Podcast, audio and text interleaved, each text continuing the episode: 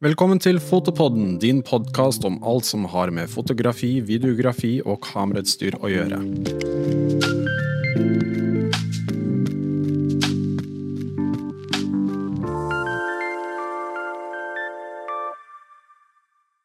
På starten av eh, dette året så lagde vi en, eh, en episode hvor vi så inn i krystallkulen for 2020.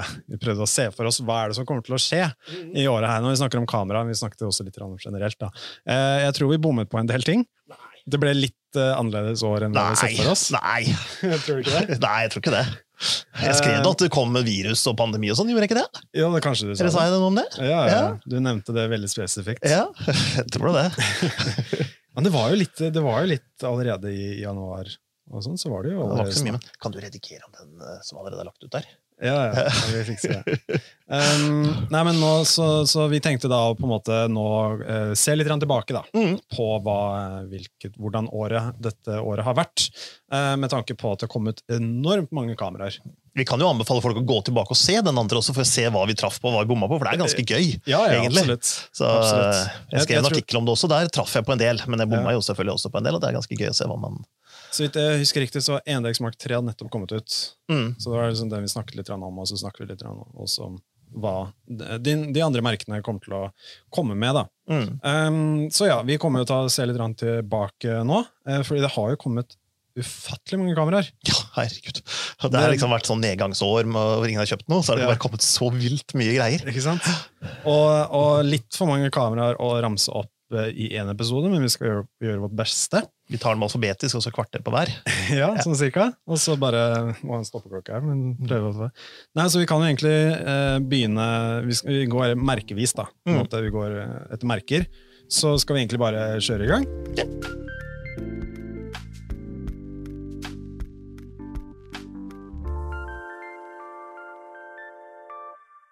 på Begynne da med Fujifilm. Fujifilm? Ja.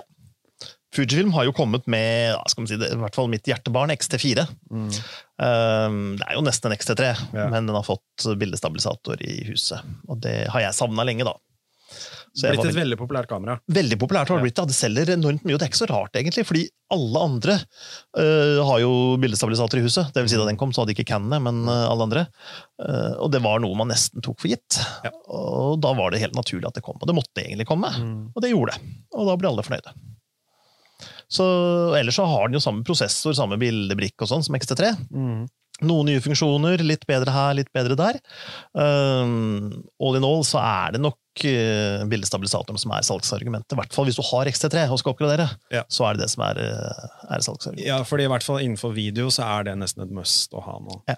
At eh, du, du trenger en bildestabilisator i kameraet som funker veldig bra eh, når du er ute på farta, i hvert fall med de små kameraene der, fordi Mm. du får ikke så mye hjelp fra vekten av kameraet eh, til å stabilisere klippene, så da må du nesten ha det. Og da blir det veldig aktuelt for alle hybridskyterne. Ja. Og det ble jo kåret til beste hybridkamera eh, i løpet av Ja, året. det ble vel det. Mm. Um, litt på grunn av det at den liksom hadde alle de videofunksjonene som man Ja. søker etter. da. For det har veldig mye videofunksjoner, men en bildestabilisering i objektivet gjør jo ikke samme nytten på video som på, når det er på bildebrikka. Så det er jo et stor oppgradering.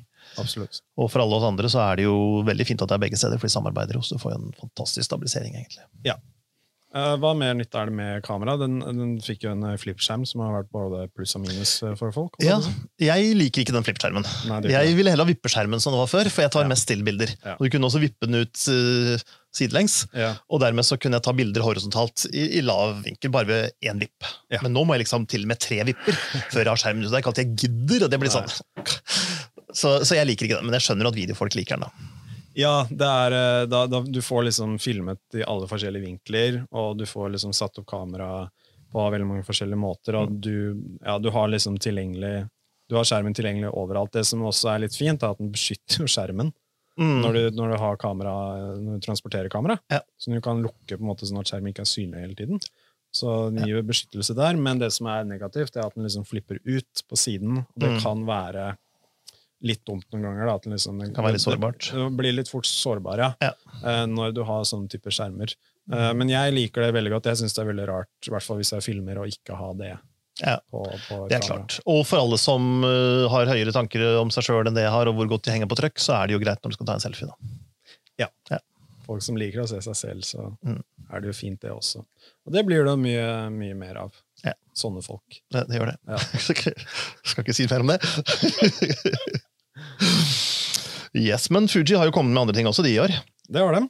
De kom jo med en morsom sak her på høsten som het XS10. Ja. Som var litt sånn enten både og eller verken eller, alt etter hvordan du ser på det.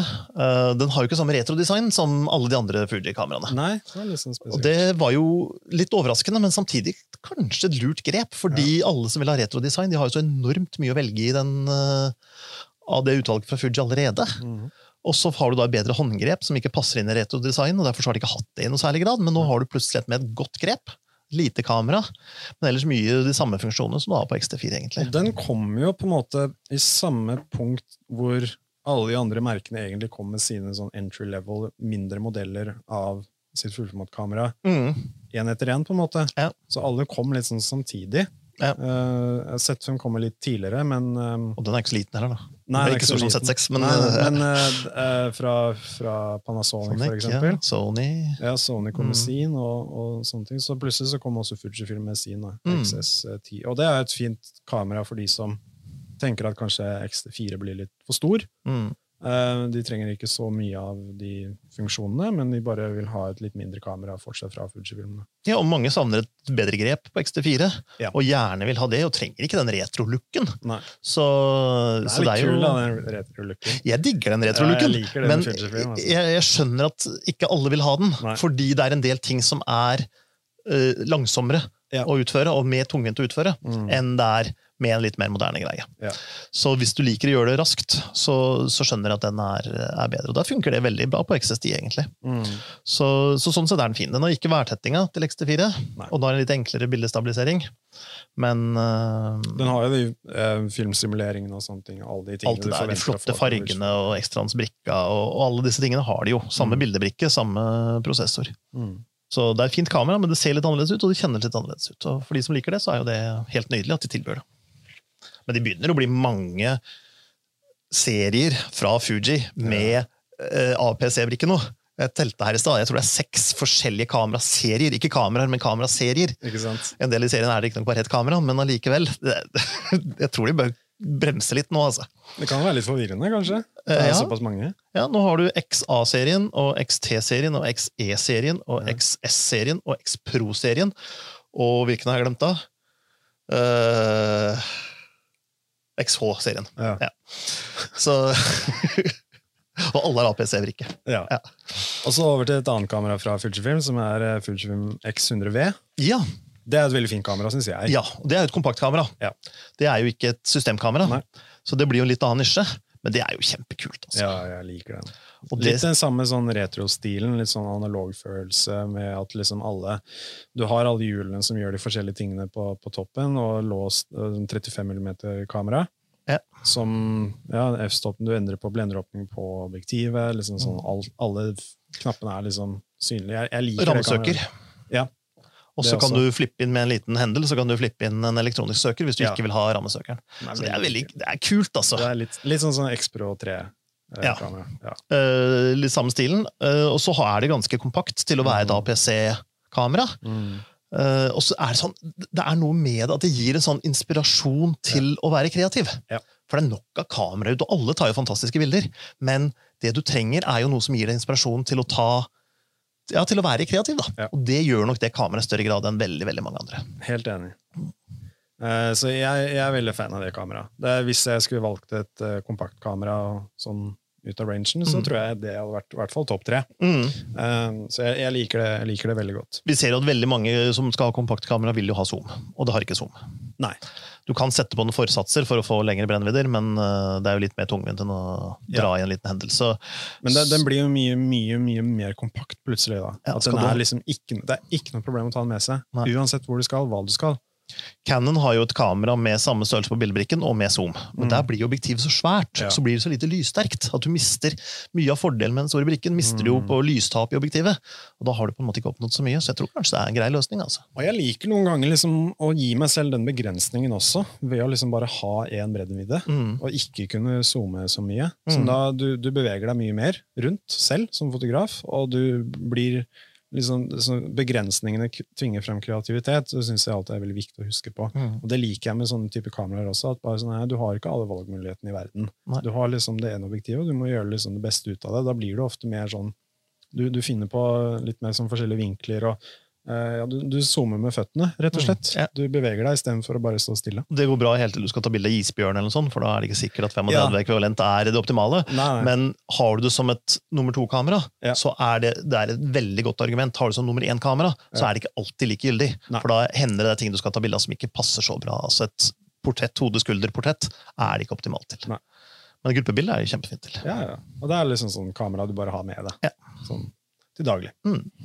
Eh, og så har de også kommet ut med et eh, ganske interessant objektiv. Ja, De har kommet med flere objektiver, men det du sikter til, er helt sikkert 50 mm. Ja, det er det jeg sikter til. De har jo en 50 mm blender 2 fra før. Ja. Nå har de en 50 mm blender 1. Ja. Og blender 1 er det ikke så veldig ofte vi ser. I hvert fall ikke på objektiver med autofokus. Dette her er det eneste som er i salgene, som er blender 1 og autofokus. Mm. Og det har vært et før, og det var Canon sin 50 mm blender 1 til EF, som kom i 1987. Mm. Var ikke optisk bra. Koster brukt en 30 000 kroner nå. Og ja, dette her er faktisk et bra objektiv. Det er meget skarpt på blender 1. Eh, På blender 1.2 er det skarpere enn 56 blender 1.2.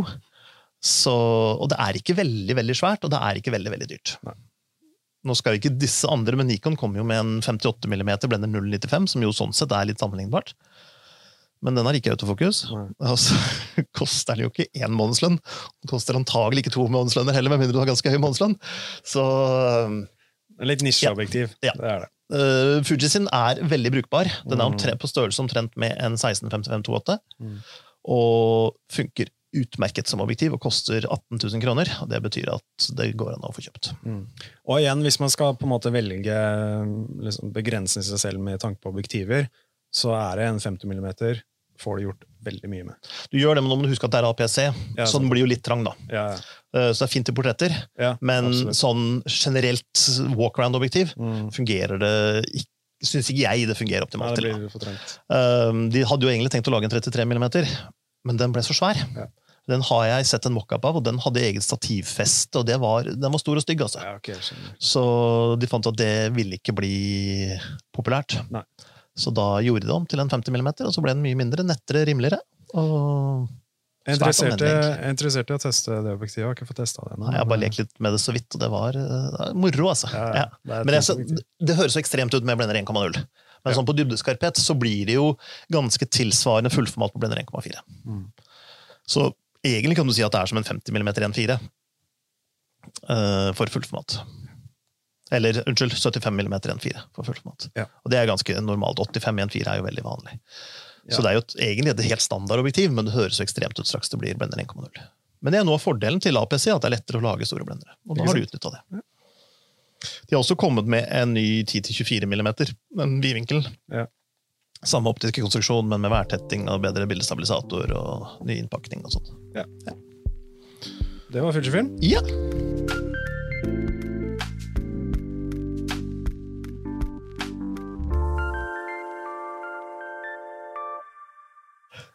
Da er det Sony sin tur. Ja. Og Sony har kommet til mye, mye spennende, de også. Mhm. Spesielt eh, A7S3. Mm. Etterlengtet A7S3. Veldig etterlengtet. Ja.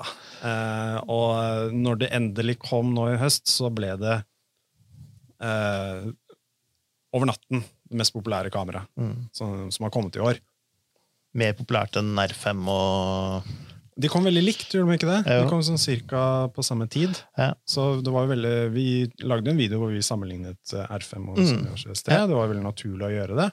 Fordi begge liksom lovet mye av de samme tingene. da. mm. Eh, mange, mange som jeg har sett på nettet, i hvert fall, som sammenlignet begge to med tanke på at eh, med tanke på videofunksjonene, Mm. så var Sony eh, det kameraet de foretrakket. da. Mm. Men så alle stillsfotografene som fikk teste R5-en, sa at Mm. R5-en var helt fantastisk. Mm. Så det er jo litt sånn hva du foretrekker. Og så er jo Canon og Sony blitt nye Canon og Nikon. Ja. Altså, Er du Canon-leiren, så foretrekker du Canon. Ja. Uh, helt uavhengig av hva som egentlig kanskje er best for deg. Og er du Sony-leiren, så akkurat det samme der. Absolutt. Det er vanskelig, vanskelig å gå um, bytte over. Ja. Det er det. Men uh, A7S3 har jo da um, mulighet til å gjøre 16-bit ekstern 4K-filming i 60P liksom, output i RAW, Mhm. som er ganske imponerende. Den har full HDMI-utgang som gjør at det er mulig. Mm. Ønsker du deg å redigere 16-bits råvideo? Eh, Jeg prøvde faktisk å gjøre eh, noe opptak med den på, på opptakeren som jeg har. Fins det nå som kan ta 16-bit? Det var det det ikke funka, funka dårlig. Ja. så jeg måtte gå litt ned. da. Ja. Så det, det, var ikke, det var ikke mulig. Den bare, altså Men- klipp, Klippene ble liksom to sekunder, så stoppa han. to sekunder, stoppa Ja. han. så sånn 16-bit er 16 ganger så mye informasjon som 12-bit. Ja. Og 12-bit er mye. Ja. 10-bit er det de fleste bruker. Mm. Uh, som da er enda fire ganger så, altså 64 ganger så mye informasjon som 10-bit. Så det er veldig, veldig veldig mye Ja. informasjon i 16-bit. Og Ja. det spørs om noen kommer til å bruke det. Ja. Men at muligheten er der, Muligheten klager ikke på det. Det er jo det er som de sier, det er, det er fremtidssikra. Det er det som er med 8K Rolls Ja. i R5-en. Det er fremtidssikra til de gangene i, i fremtiden hvor det vil være nødvendig for sånne type kameraer. Og det jeg syns er gøy, er jo at Sony nå har begynt å lage CMOS-brikker som er, kan gi 16-bit-utfil. Mm. Og det lover jo bra for andre leverandører som bruker Sony sine brikker. Ja. For eksempel ja, de fleste, egentlig, bortsett fra Canon og Panasonic. Det er jo to veldig interessante, eller tre interessante ting på nye A7S 3. Som er jo, for det første, det er jo eh, 120 frames i 4K. Det er Mhm. veldig, veldig bra. Mm. Og veldig imponerende autofokus, som Sony eh, ofte har hatt mye. Men uh, vi har testet autofokusen på den, og jeg vil nok si at for, for meg i hvert fall så er det en av de første gangene hvor jeg kan stole på kameraet sin autofokus på video. Ja. Og, av de kameraene der. Mm. Uh, før så har de alltid liksom slitet litt, grann, men det at liksom, du kan se at den er på øyet hele tiden, Ja. det at den har den lille firkanten rundt øyet, Ja. så er du sikker på at den er på øyet konstant. Mm. Um, så det var veldig, veldig bra. Og dette er jo også egentlig et relativt nytt fenomen. fordi at Hvis du går noen år tilbake, så hadde man jo ikke videokamera med så stor bildebrikke. Nei. Da var det ikke så farlig om fokusen ikke satt på øyet. Nei. Og satt den på nesa eller panna, så var øyet akkurat like skarpt. Mm. Men nå som du kan ha objektiver med stor blenderåpning på en stor bildebrikke, så er det så viktig at fokusen sitter. Absolutt. at det er, det er helt alfa og omega. Altså. Det er det. Uh, og, og med tanke på video så har aldri kameraet liksom vært bedre enn deg selv til å liksom ta manuell fokus. da.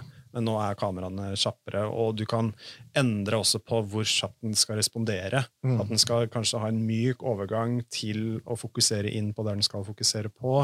At du Mm. liksom du beveger, eh, fokuserer, går fra én person til en annen person. At den liksom ikke bare kjapt går over, Mm. men at den er veldig sånn eh, menneskelig, nesten. da. At det liksom sånn, det skal være en myk overgang. Det syns jeg er veldig interessant. Uh, absolutt. Mm. Ja, og Det gir deg frihet til å leke med, med bakgrunnsuskarphet også, når Ja. du kan stole på at autofokusen sitter der hvor den skal sitte. Mm. For Ellers så har du måttet blende ned. Ja. for å ikke, altså Hvis du intervjuer en person som beveger seg litt fram og tilbake, Mm. så vil øynene gå inn og ut av fokus hvis du ikke har en god autofokus. Og Da kan du ikke ha en stor blender. Da må du blende ned. Nei. Det er, det er jeg litt redd for, faktisk. Det, er at liksom, um, det er jo ikke lenge siden hvor for eksempel, jeg husker en gang vi filmet bare en person går nedover en gang Mm. med, med teleobjektiv. Og så måtte vi holde fokus Hvorfor gikk han nedover gangen med teleobjektiv? Nei, vi filmet med teleobjektiv. Ja. Vi filmet med teleobjektiv, og han gikk nedover liksom, mot kamera. Og så skulle han liksom gå forbi kameraet. Mm. Og så Fokuset måtte jo sitte hele veien mens han gikk nedover. Og det var en sånn øvelse, ganske hard øvelse for, for meg da å få det til. For da pulla du fokus sjøl. Ja, Ja. det gjorde jeg det selv.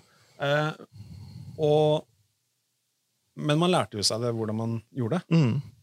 Og du begynte å kunne se at fokusen sitter mye kjappere, på Mm. grunn av at du konstant må liksom øve på Den muskelen må liksom øves på. Du må trene den muskelen hele tiden. Mm. Og når kameraene nå har blitt så bra på autofokus på video, så er jeg kanskje litt, litt redd for at altså, folk vil miste muligheten til å treffe på manuell fokus like bra som før. Ja, Det blir jo litt sånn kjøre bil. Skal du kjøre opp med manuellgir eller automatgir? Ja, ikke sant? Det Men du kommer nesten aldri til å trenge manuellgir, med mindre du blir sportsbilinteressert. Ja, men jeg synes det er også at det å vite hvordan manuellgir i bilen fungerer, Mm. hvordan liksom kløtsjen og sånne ting fungerer i bilen, Mm. synes jeg er en veldig viktig ting å faktisk kunne litt om. Mm. Uansett om du kjører automat eller ikke. Ja. Men jeg synes det fortsatt er bra, samme analogfotografering. Ja da. Det Du er jo burde ingen vite litt grann hvordan liksom mekanismene faktisk fungerer. ja. Og det samme med, auto, med autofokus og manuellfokus. Altså ja, Man bruker autofokus hvis man kan stole på kamera, mm. men jeg synes det likevel er viktig at du liksom burde kunne sette manuellfokus også. Mm. De gangene hvor du faktisk trenger det. Ja. Fordi du blir veldig fort uh, Um, ja, det, det blir veldig fort vanskelig de gangene du ikke kan stole på kamera. Da. Ja da, men det vil også bli færre og færre ganger, tenker jeg. Altså, eh, det blir jo litt sånn, det, det fins en masse gammelt håndverk som ikke lenger er så veldig aktuelt, fordi man trenger det ikke lenger. Eh, Det er mye vi ikke kan, som hadde vært veldig fint å kunne, Ja. men som vi ikke lenger kan eller vil bruke tid på å lære oss. Og for de som har interesse av det, lær dere for all del å fokusere manuelt. Mm. For alle dere andre, bruk tida på noe kreativt. Ting, ja. Ja, Ja. tenker jeg. Ja, sånn er det, liksom, det, det blir færre hindre Mm. i, i at du faktisk kan produsere ting Mm. eh, som du ønsker å produsere, fordi kamera gjør mye av jobben for deg. Ja. Så det er veldig positivt. da. Da jeg lærte maskinskriving på valgfag på videregående på 80-tallet, Ja. så var første kapittel i boka det var styrketrening for fingrene. For Man hadde ikke elektriske skrivemaskiner nødvendigvis. Ja. Jeg er veldig glad for at man ikke trenger å lære det lenger. Ja. Men hva med sånn håndskrift, for eksempel? Ja. Hvor ofte skriver man for hånd lenger? Jeg skrev for hånd på eksamen en gang, og så før jeg fikk datamaskin i 1980 Jeg begynte vel å bruke det jeg begynte på videregående i 86. Bruker du ikke notatbøker? Ingenting? Jo, men jeg klarer ikke å lese notatene mine likevel. Notater, nei, men notater tar jeg ikke for å lese dem, det tar jeg for å, fordi du husker bedre når du har skrevet det. Og når jeg har skrevet det, så er det ikke så farlig om jeg kan lese det. Det Jeg skriver, jeg skriver fortsatt mye for hånd. Jeg. Ja, okay. jeg det ja, det gjør jeg aldri. Ja. Jo mindre tid foran PC, jo bedre, syns jeg. Eh, nå dig uh, liten digresjon, men eh, Autofocus! Ja, det var det, snakket om. ja. Eh, og, men den har jo kommet uh, eh, Sony A6-3 har jo litt andre ting også. Den har jo da- to nytt uh, type minnekort. Mm. Igjen. Enda et. Et. Et. CF. Express type A, Ja. som er mindre enn SD-kort. Som jeg syns er litt farlig. Ja, altså Det er jo omtrent samme størrelse som SD-kort. Det som Ja. er så genialt med CF Express type A, det er jo at du kan lage ett spor hvor det går inn et CF Express type A eller et SD-kort. Ja. Så der hvor Canon og Sony har ett til det ene og ett til det andre, så du må, skal du ha to, så må du ha ett av hver, eh, så har Sony to spor, og du kan velge i begge hva du vil ha. Veldig, veldig mye mer praktisk, egentlig. Ja, og det er Mesteparten av de formatene du filmer på uh, A63, kan du gjøre på et veldig kjapt SD-kort. Mm. Uh, det er bare tror jeg, 4K 120 frames og en, en av 4K-oppløsningene i Ja. 25 med høy oppløsning hvor du ikke har mulighet til å gjøre det. da. Hvis jeg husker riktig, men det, det står det. Men de mesteparten av tiden så vil du klare deg med SD-kort. Mm. Når f.eks. Canon R5 ikke har CFXPS type A, så er noe grunn til det er at det ville faktisk ikke vært raskt nok. Ja. For når du har 8K 12-bit rå video, Ja. så må du ha type B, for den har dobbelt så mange kanaler. Så den har i praksis dobbelt så høy overføringshastighet. Mm. Ja. Og, og to ting som er nytt på dette Sony-kameraet fra de andre, er jo at den har fått en flippy-skjerm, Mhm. som Sony har eh, nektet å Ja, gjøre. hvorfor de, de ikke har hatt det før, det skjønner jeg ikke. For i hvert fall A7S har jo alltid bare vært et videokamera. Ja, ja, Så den burde jo hatt det. absolutt. Men eh, nå har de fått det, da, og det er jo bra. Ja. Der er jeg helt tilhenger av det. Det er også en ny meny. Ja, det er jeg også tilhenger av. Og jeg har testet, testet kamera litt, og jeg elsket menyen. Jeg syns den var mye mer eh, forståelsesfull, og jeg elsket at eh, flippskjermen var der, og sånne ting, så jeg likte det kameraet veldig veldig godt. Mm. jeg, jeg har alltid vært litt sånn eh, ikke, ikke negativ, på en måte, men litt sånn at ok, du må sette opp kamera, men du har jo alle de custom-knappene. Som det står bare C1, C2, C3. Mm. Det står ikke noen funksjon hva de faktisk gjør, så du må velge det selv. Ja. Før så var jeg litt sånn skeptisk til det. Sånn, sånn der, du får kamera i hånda, så må du, liksom, du må stille det inn på en måte hver gang til hva Mm. du foretrekker. da. Mm. Men når du faktisk gjør det, og alle knappene gjør det du ønsker at de skal gjøre, og du bare bruker litt tid på å sette deg inn i hva du faktisk foretrekker, Mm. så er det også veldig veldig fint. Ja, og da trenger man jo egentlig ikke menyen så veldig mye. Nei. Så alt dette snakket om menyen syns jeg har vært litt overdrevet. Samtidig så har vel nå Sony laget kamera siden 2005 eller 2006 eller noe sånt. 2006, Det er 14 år. Eh, I hver eneste test som er gjort av Sony-kamera siden 2006, så har de fått pepper for menyen. Det tok dem 14 år å finne ut at de skulle forbedre den. Bare det å legge på fargekoder Bare legge på fargekoder. er liksom så mye finere at det, da, da skjønner du med en gang hvor du skal. Ja. Um, og, og så kan du også nå på en måte, ok, hvis du har noen ting som du går inn på veldig ofte, så kan du legge det på en egen liste. Mm. Det er veldig fint også. Ja. da. Så du bare har den ene lista hvor du har de forskjellige funksjonene som du trenger. Og det har alle andre hatt i ti år. Ja. Så, så, så det er ikke det at den nye er så fantastisk, men den er så mye bedre enn den gamle. Ja. Så de sier kanskje mer om den gamle enn den nye, men tusen takk Sony for at dere kom med, med ny meny. Vi trengte det. Ja. Ja. Eh, Så det var uh, A23. Veldig veldig imponerende kamera. Det er jo et kamera som vi eh, ikke klarer å levere nok eh, kameraer av. Mm. Det er jo lang venteliste på det. Ja. Og det er jo på en måte veldig gøy, og en annen måte veldig trist. Ja. Ja, men det kommer flere. Det kommer flere. Vi vet ikke når, men det kommer flere. Ja. Kan jeg få skyte inn et lite kamera du ikke har på jukseloppen din? Ja. Det kom jo et videokamera i går. Ja. FX6. FX6. Ja. Har du Stemmer. lest deg på det? Eh, litt grann. Jeg så et par videoer om det i går. Um, og det er jo så å si A7S3 bare i cinema-kamera, så du har jo FX9. Mm. Og A7S3 er liksom en kombinasjon av de, de. da. Så du har jo nå C70 fra Canon, som er et mye mindre uh, cinema-kamera. Mm. Uh, liten blanding mellom R5 og C300. Og nå kommer også da Sony med FX6, som er på en måte litt det også. da. Mm. Uh, den, uh, ja, det er en mindre pakning, så så vidt jeg har forstått det, så den har jo to XLR-innganger, men du må ha det på grepet. Litt sånn som var på C300-modellene før. da. Mm. Um, så det er jo bare at det er et eh, kamera i ja, litt mindre cinema-kamera, Mm. som jeg syns er egentlig veldig kjekt. Jeg liker C70 for eksempel, fra Canon, Mm. fordi du har alle de funksjonene som et uh, cinema-kamera har, men du trenger liksom ikke å ta med deg en svær bag hver gang du skal ut og filme. Nei. Hvis du er et sånn one man band, altså vi kaller det en videojournalist, eller noe sånne ting, så Mm. er det ofte bare du og deg alene Mm. som er ute. Og da er du avhengig av at du får plass i nesten alt i ryggsekken din. Da. Mm. Og da ønsker du veldig ofte å ha et cinemakamera som tilbyr de funksjonene som det tilbyr. Eh, Det blir jo mindre ting du trenger å ta med deg, som f.eks. endefiltre. endefiltre. Ja, den har jo veldig fin variabel innbygd. endefilter. Ja. Ja. også XLR-innganger og alle de liksom, lydjusteringene du kan gjøre. og sånne ting. Mm. Eh, Alt er på en måte i kamerahuset. Så jeg liker det veldig godt at de blir mindre. Jeg syns det er liksom en fin progresjon. Ja. Det er jo også med Rød Komodo, som vi skal snakke litt senere om også. Da. Så det er liksom i den rekken der med utviklingen av de forskjellige merkene. Mm. Ja, og liksom og det er ikke bare når du er alene, men hvis det er dårlig plass, eller du skal ha det på en drone eller en gimbal, eller noe sånt, så er det jo veldig fint. Men Ja. dette er et fullformatkamera, sånn som A7S eh, 3. Mm. eh, 10 megapiksler eller noe sånt, så du har ikke, kaster ikke bort en masse piksler på ting du ikke bruker, for det tar maks 4K. Mm. Uh, dual, pic, nei, um, dual native ISO Ja.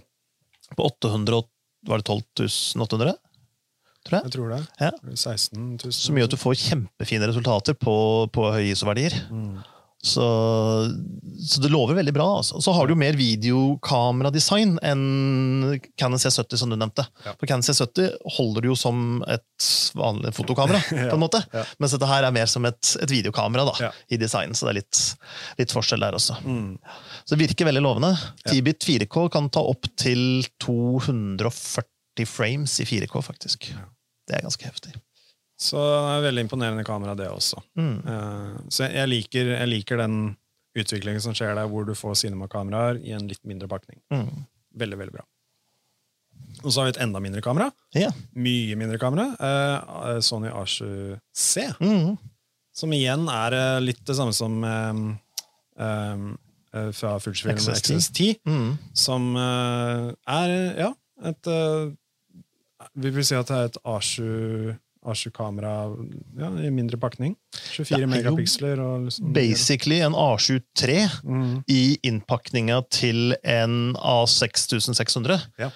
Um, men den har jo mye bedre autofokus enn A23. Mm. For den har fått de nye tingene der, Ja. som er kjempeviktig, synes jeg. For den autofokusen er altså så fantastisk. Du snakket om den på A7S, det er jo samme, samme autofokusen som der, egentlig. Ja. Og den er så glimrende, den autofokusen, til både foto og video, at uh, det er et fantastisk skritt opp. Ja. Uh, så har den um, er, altså, Den er liten innpakning innpakninga, men den har Hva var det jeg skulle si? Nei, jeg har glemt hva jeg skulle si. Den er en veldig liten innpakning. Ja. den. Eh, og så ser den jo litt, eh, ser litt kulere ut på en måte også. Eh, sånn Sony-kameraene noen ganger føler jeg litt sånn um, Ja, A7S-en Jeg syns, syns den ser litt eh, Jeg syns den bare ser litt kulere ut, faktisk. Ja, jeg har en sånn sykdom jeg, som, som gjør at jeg må ha kamera med pukkel på toppen. Ellers så ser det ikke ut som en ordentlig kamera. Så når denne ikke har pukkel på toppen, så liker jeg den ikke. Nei. Så jeg ville heller hatt en eh, vanlig A7 enn A7C, men jeg vet jo at det er min sykdom. Så, Men igjen, det er jo det er et litt mer sånn entry level-kamera hvis du vil gå over på fullformat. Ja. eh, og vil teste deg litt der med objektiver og sånne ting. Men eh, vil ha en mindre, mindre pakning, så er A7C Men altså, bortsett fra et litt enklere grensesnitt og en litt mindre enklere søker enn A23, mm. så mangler den egentlig ingenting som A23 har, Nei. men den har den autofokusen som er mye bedre enn på A23. Og hvis du skal bruke noen av de nye digitale mikrofonene til Sony, så kan du også sette på de. Det kan du ikke på A23. Ja. Så egentlig så er det på veldig mange måter bedre kamera enn A23. Altså, men, øh, så kan du kalle det entry level, men det koster jo minst like mye eller mer. da. Når er det A24 kommer, da, tror du?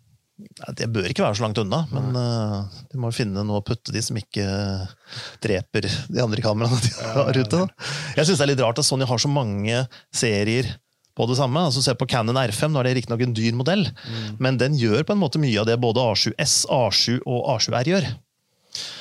Uh, I én modell. Og så kan du si at nei, alle har ikke råd til 50 000 kroners kamera. Og Det er jo et gyldig argument. Da er det kanskje bedre å tilby et til, til 20 og etter 40. Ja. Men, øh, men det burde ikke være nødvendig med så mange forskjellige modeller. kanskje. For det koster ikke så mye mer med litt ekstra oppløsning i dag, og det koster ikke så mye mer med Skal vi gå inn på eh, et av dine favorittkameraer fra Sony? Ja. Som er Sony ZV1. Ja, mens vi er i gang med å gjøre ting mindre. så Vloggekamera. Vloggekamera. Og er, ZV1 er jo, ja, som du sier, det er enda mindre Enda enn mindre. eh, A7C. her er vi nede på et kompaktkamera. da. Ja, Ja. dette er et kompaktkamera igjen. Uh, det, dette er et kamera designet for youtubere og bloggere. Ja. Uh, så for de som driver med sånne ting, så er det liksom, dette er kamera for deg. da. Mm. Um, det er det. Og jeg liker veldig godt det er sånn Her har de gått litt mer inn på software-funksjoner, Mm.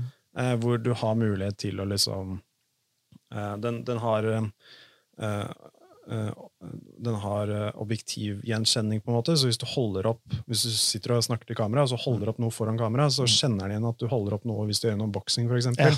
eller skal vise frem et produkt, så klarer den å fokusere inn på det veldig kjapt, og så fokusere på ansiktet ditt igjen. Da. Mm. Og alle de og som kan gjøre liksom, få litt fin bouquet i bakgrunnen ved å bare trykke på en knapp, og så Ja. gjør den noe i kameraet. Og det gjør den i software. Ja, det Ja. gjør den i software, Mm. så den er mye mer tilrettelegget for det.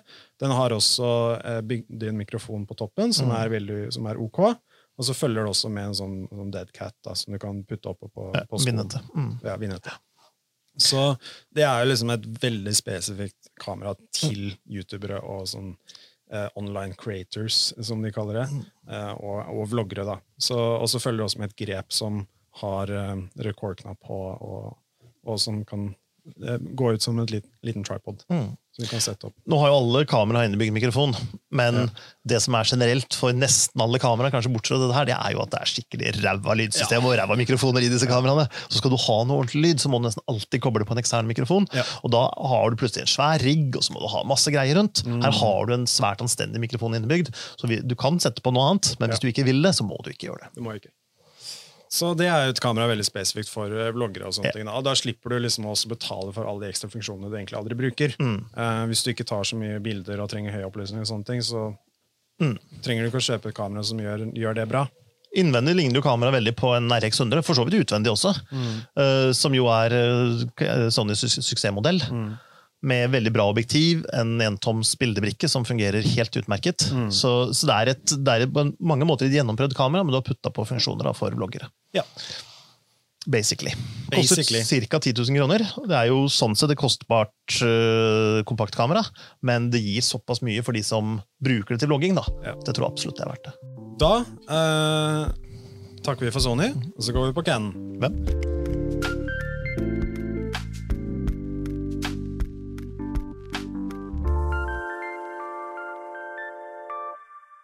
Canon. Oh, Canon, ja, ja, de har jeg hørt om. Ja. Kanon. Kanon. Et nytt merke som har kommet i år. Ja. Det kan jo nesten virke litt sånn.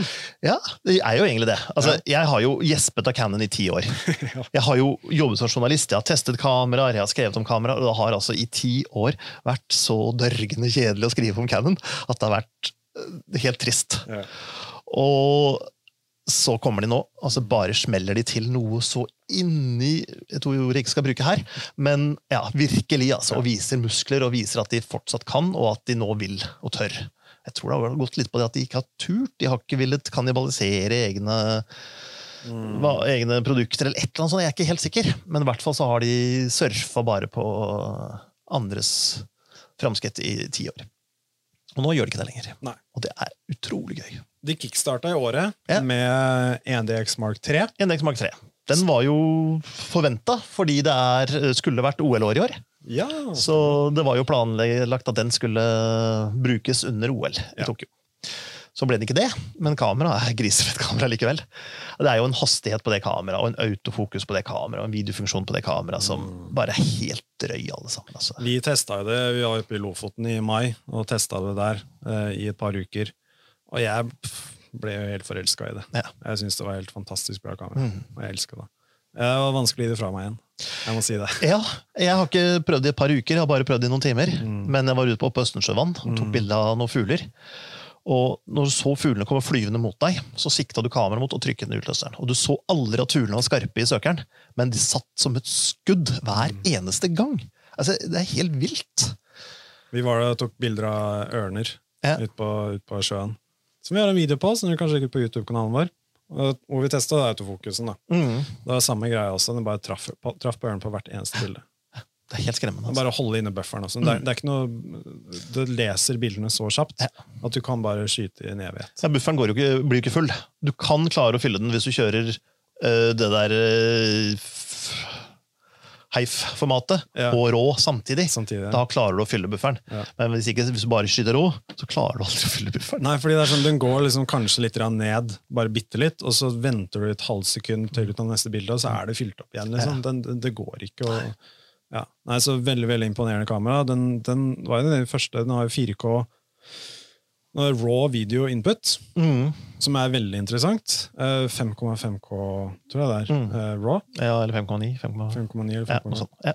I hvert fall eh, veldig, veldig bra. Og det at man ikke, hvorfor man har det og ikke 4K, er fordi at nå har du Den har ikke noe 5-aks innebygd stabilisering, Nei. men hvis du har litt ekstra informasjon eh, i bildet, så kan du croppe inn og, og stabilisere i postproduksjon Mm. eh, ganske greit, da. Med all den ekstra informasjonen. Og en oversampling. Skal du downsample til 4K, får du mye bedre 4K-resultat enn om du hadde tatt i 4K. i Og det ser veldig crisp ut. Mm. Det ser veldig fint ut. Det var, når vi satt og redigerte materialet vårt fra Lofoten, så så vi den med en gang. Ja, og så har du 2600 megabit-bitrate på greia, så det skulle jo bare mangle, Ja. spør du meg. Men eh, Vi fylte opp minnekortene veldig fort. Vi fylte opp minnekortene veldig fort. Nei, Det var sånn, det var ett klipp som var filmet med vanlig 4K, og så byttet vi over til, eh, til eh, RAW-formatet. Mm. Og så var det liksom, det var natt og dag. Det var det, liksom ja. så bra. Eh, men eh, ja, det fylte opp minnekortene veldig fort. Mm. Så vi var veldig forsiktige med å bruke det. eh, brukte det ikke for mye. nei, du skal være forberedt når du bruker det, i hvert fall. Ja. Det skal du. Og du var jo også en av de bildene til å ta 20 frames i sekundet med mm. elektroniske lukker. Eller var det Det var jo også veldig interessant. Ja.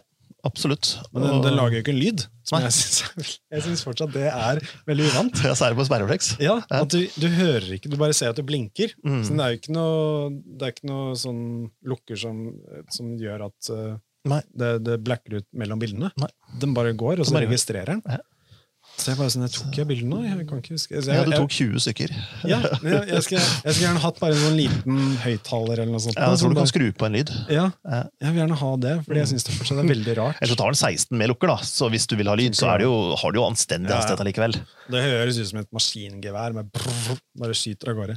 Så nei, jeg likte det kameraet veldig veldig godt. Det, Ja, så den der tommelgreia, ja, joysticken den joysticken bak der, som ikke egentlig er en joystick, det bare er en sånn føler sånn merke hvis du beveger tommelen over. Den er Det er så fint. At de ikke har på det på de andre kameraene, synes jeg er merkelig. For den, den liker man veldig godt med en gang. Den er jo da, Det er en autofokus, uh, liten sånn touchpad, på en måte. Ja.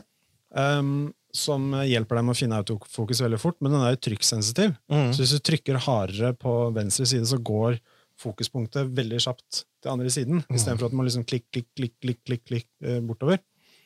Du kan jo bruke skjermen også, selvfølgelig, men man foretrekker å bruke den. i hvert Du foretrekker den med en gang. Altså, det Ja. virker jo bare tungvint å bruke skjermen. Du kan ha en Ja. tommel på skjermen, så kan du dra den rundt på skjermen for å flytte Ja. på fokuspunktet. Men hvis du bare i stedet bare flytter bitte litt på tommelen, så har du det, altså.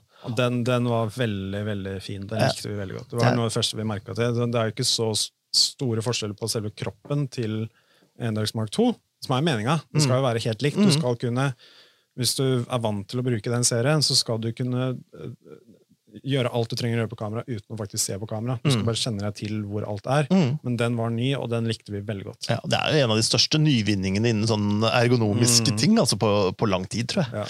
Det er det. Så det, det håper jeg at uh, kommer på flere nye modeller. Mm, det er nok litt politikk at de ikke har putta det på dem for å skille dem. Vil du ha den, så får du kjøpe toppmodellen. Ja. Det er, det er nok mye sånt. Supert kamera, ikke billig. 80 000 eller der omkring. Noen og 80 000. Ja, men det er eh, Men uh, det er, altså, det, er, det er ikke nærheten av noe annet altså, når det gjelder hastighet og presisjon. Du har alt du trenger. Ja. Hvis du er mye ute på farta, mye ute og reiser Det er litt stort, selvfølgelig, men uh, det er liksom bare et kamera du kan stole på til å gjøre absolutt alt du trenger. Ja, og du tåler krigen. Du tåler krigen. Ja. Absolutt.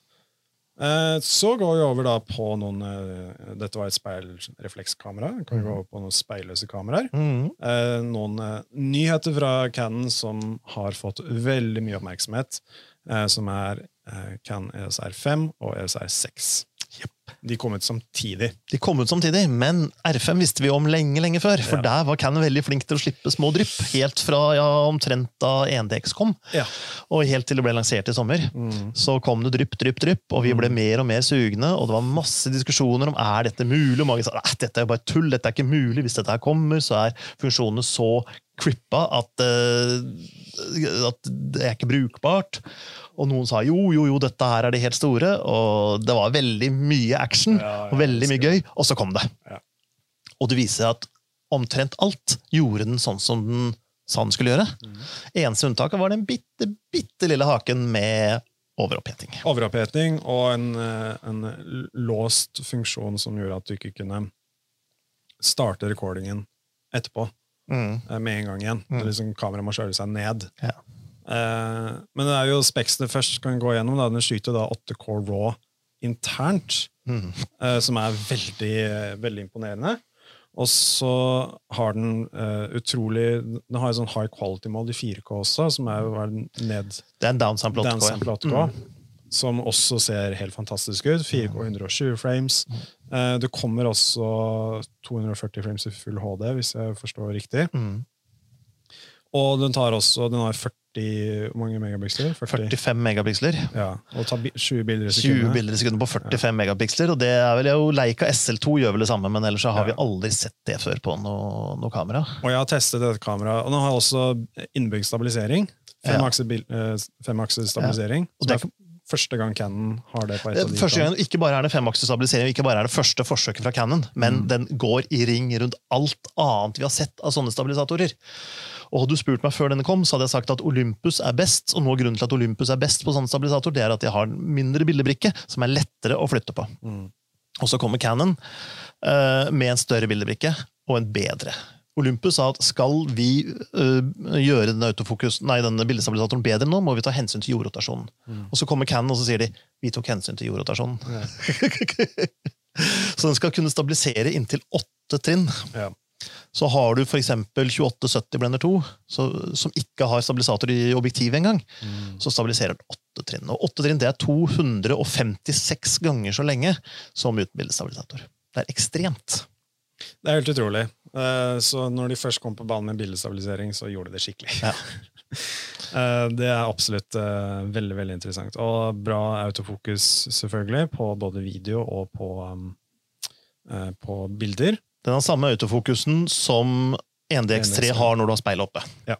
Og akkurat, Det er jo helt forskjellig teknologi fra med speilet nede og speilet oppe på NDX3, Mm. så det er vanskelig å sammenligne helt direkte. Men de jeg har snakket med som har prøvd dette her omfattende, de sliter veldig med å få uskarpe bilder på R5 også. Altså. Ja. R5 og R6. Det er samme autofokusen på de. Jeg har testet det både på video og på bilder, og bare filene som kommer ut, er helt fantastisk. Ja. Uh, Både bilde, bildefilene og videofilene er Ja. Du, du kan eh, overleve lenge med det kameraet, for Mm. å si det mildt. Og også objektivene. Eh, Altså RF-lineupen er jo helt Den er jo noe for seg selv, og den skal vi snakke mer om etterpå.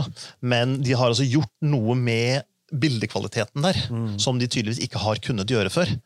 Det gjør at Objektivene er ikke spesielt billige, de fleste av dem. Nei. Men det er en klasse for seg sjøl. Altså. Ja, de er en helt hel klasse over EF-objektivene. mm. Og det, det hadde vi egentlig ikke forventa. Så det er gøy. Og det er objektiver som du har lenge. Ja, ja. De, de, igjen, dette er også et kamera som er litt sånn fremtidssikra. Ja. Dette er et kamera du kan ha lenge. Mm. Fram til det kommer noe revolusjonerende da, som gjør at du må endre alt. Og, og har du ikke råd nå til de nye objektivene, så setter du på en adapter, og så bruker du EF-objektivene med akkurat samme funksjonalitet som EF-objektivene alltid har hatt. Du mister ingenting. Hvis du har den adapteren fra Canon, så er det ikke noe Mm. Nei. tap i det hele tatt. Eh, Så er det jo da liksom eh, mye positivt med det kameraet, selvfølgelig, men så var det den eh, kontroversielle eh, diskusjon med overoppheting og liksom nedkjøling. da. Mm. Eh, så ideen, tanken da, da var jo at liksom sånn 8K RAW krever jo mye fra kamera, og det overoppheting på de typer kameraene er jo ikke, det er ikke noe nytt at sånne ting skjer. Men på et så stort nivå som det var nå, Mm. eh, for Canon, så var det, ble det mye Det tok mye fokuset, da. Ja. Som jeg syns var litt synd, egentlig. At det var så mye fokus på det. Fordi det var, alle, det var, det var ikke folk som da Folk gikk ikke og liksom så på alle de andre funksjonene som kameraet hadde. De fokuserte kun på hvor lenge kan jeg ta opp i 8K RAW Mm. og, uten at kameraet overoppheter seg. Det var liksom det testene, Mm. de type testene folk gjorde. Mm. Etter hvert så begynte folk å liksom komme og teste med hvordan bildene ser ut, hvordan videoen ser ut, alle de tingene der. Og bare, ok, dette kameraet er jo utrolig bra. Mm. Men altså, alle Canon-brukerne visste jo at det var helt fantastisk på de andre områdene. Mm. Og alle brukere av andre merker de ville jo ikke snakke om hvor fantastisk det var på de andre områdene. og Dermed så ble det jo til at man snakket om overopphetinga. Men noe av problemet var jo også hvordan Canon hadde løst dette her. Fordi at overopphetinga virket som den gikk etter en klokke. Altså, Den stoppet etter så mange minutter, helt uavhengig av temperaturen ute. Ja. Og du fikk ikke starta den igjen etter, før etter så og så mange minutter, og da fikk du spilt inn i så og så mange minutter. og man prøvde å legge det på is, og man prøvde å ha det i vinden utafor når man kjørte med bil for å kjøle ned. Alt mulig hadde ingenting å si. Og så kom det firmware-oppdatering. Og da sa de at de begynte å bruke Det er tre temperatursensorer i kamera, og da begynte de å bruke de mer. Mm. Og Da fikk du ca. 50% lengre opptakstid og 50 kortere nedkjølingstid. Eh, så det ble veldig mye bedre, men det er fortsatt et overopphettingsproblem der. Ja. Og jeg tror fortsatt at de kunne nok drøyd det litt lenger. Men, eh, men de er nok litt konservative for å ikke ville, ville ødelegge noe eller pushe det så langt at plutselig så står noen der, og, og så funker det ikke etter spesifikasjonen. Ja, fordi det var det liksom noen prøvde å gjøre sånne egne hacks Mm. uh, for å gå forbi den uh, nedkjølingstiden. Da. Mm. Det var mest det, det som var det viktige, da, at liksom de ville bare pushe kameraet igjen og igjen. og igjen. De uh, hacksene som jeg så, det var liksom, de putta jo sånn disclaimer på starten at dette kommer til å ødelegge kameraet hvis du gjør det hele tiden. Ja. Så ikke gjør det. Nei. Men sånn her er det hvordan du bypasser uh, den nedkjølingstiden. Ja. Men de sa jo også at filene kommer jo veldig ut, ofte ut korrupte, fordi du, du skrur av kameraet, tar batteriet før du før stoppe recordingen og sånne ting. Så det var liksom mye som ikke funka rundt det. da. Mm. Um, men ja, så den ble jo litt bedre. Vil du tro at det kommer nye firmware-oppdateringer fremover som vil forberede litt mer? Jeg tror det, fordi det virker som de fortsatt har noe å gå på. Ja. Men Fordi den firmware-oppdateringen kom ut veldig fort. den gjorde det. Ja. Og det var jo nesten et krav. Ja. Så jeg tror fortsatt de jobber med saken mm. og ser hva det tåler, men de vil nok langtidsteste det mer. Fordi de vil se at okay, så langt kunne vi gå nå, det er vi sikre på at det fungerer. Men hvis alle temperaturene skal kunne være enda høyere, så må vi se om det fungerer i to uker, to måneder osv. Mm. før vi kan godkjenne det. Og, så jeg tror de kommer med det, men vi kan ikke regne med at det blir helt borte, for det er jo fysiske begrensninger her hvor mye varme det klarer å gi fra seg, det kameraet. Absolutt. Så, men altså, det tok jo ikke mange dagene fra kameraet kom, til Tilta tror jeg hadde en sånn kjøler som du kunne sette bakpå der hvor skjermen vanligvis er bretta inn, med vifte og kjølegreier. Jeg lurer på om det var til og med en sånn pelterelement der for å kjøle det. Men det hjalp jo ingenting, for det gikk jo på klokke i begynnelsen. Så. Altså- Men kamera er fantastisk uansett. Altså, Absolutt. Ja, ja. lær deg de begrensningene å kjenne. Vit nøyaktig hva de er, så klarer du fint å jobbe rundt dem i de fleste tilfeller. Ja. Og klarer du ikke det, så er det ikke kamera du skal ha. Da skal du ha en A7III. A7S3. Ja. Uh, nei, jeg likte R5 veldig veldig godt, på, både på video og på stillelse. Jeg synes det er et fantastisk kamera. Det er et kamera jeg faktisk har vurdert å kjøpe. Mm. Um, Det er to ting den mangler til video. Ja. Det er en fullstørrelse HDMI-port, Ja. som A7S3 har, og det er mulighet for å sette opp XLR, som også A7S3 har. Mm. Sony A7S3. Men igjen, det er jo altså, største forskjellen mellom A7S3 og R5 er jo at liksom, A7S3 er jo et videokamera først. Mm. Det har jo 12 megapiksler, Mm. så det er jo, den tar jo stills, Mm. men det er jo ikke fokus på det i det hele tatt. Nei. Litt sånn som på GH5-serien. Mm. er jo et videokamera først. Mm. Eh, R5 er jo et stillskamera først, vil jeg si, Ja. Men med fantastiske videofunksjoner. Så hvis du er en stillsfotograf som trenger video en gang iblant, Ja. eller trenger ja, du, det er liksom B-cam eller B-cam Ja. eller sånne ting, så er R5 kamera for deg. Hvis du Mm. er en videofotograf først og trenger alle videofunksjoner i en liten pakning, så er A7S 3 kamera for deg. Mm. Hvis du ikke bryr deg om stills, så trenger du ikke tenke på det. Nei. Eh, Men det er det jeg liker med R5, at det er liksom, du får veldig bra kvalitet på begge tingene. Mm. Så det er et sånt kamera som kan gjøre begge. Veldig, Mm. veldig bra. Vi får jo en del profesjonelle fotografer innom butikken. Sportsfotografer og altså, folk som jobber for NTB og, og, sånne steder, som er veldig plasserte, som alltid har tilgang på alt mulig av utstyr. Mm. R5 er første gang jeg har sett disse menneskene komme inn i butikken med sånn stjerner i øynene. Ja. Nå skal de hente leketøyet sitt! ja. det, det, har jeg aldri sett på andre kameraer enn R5. Så det er, noe, det er noe eget med R5. altså. Og så har vi også R6, så lillebroren på en måte til, ja. Eh, til R5, mm. som har da 20 eh, megapiksler mm. istedenfor 45. Som, uh, og ikke 8K RAW eller 4K 120 frames. Det er egentlig de største forskjellene. Egentlig så er det det. Ja, Og så den, bruker den to SD-kort og ikke CF Express. Ja. Så det er liksom de store forskjellene, og det er også litt billigere. da. Ja, og Til gjengjeld så får du litt bedre egenskaper i dårlig lys, for du har litt større piksler. Og mm. den kan fokusere i enda svakere lys. Mm. R5 kan fokusere ned til minus 6 EV, som er ja, latterlig mørkt. Uh, R6 kan fokusere ned til minus 6,5 EV, mm. uh, som er så mørkt at da ser du egentlig ingenting. Omtrent. Og det betyr at du kan ta bilder av ting som du før ikke engang kunne fokusere på. Ja. Fordi verken du eller autofokusen klarte å fokusere på det. Og det går nå an.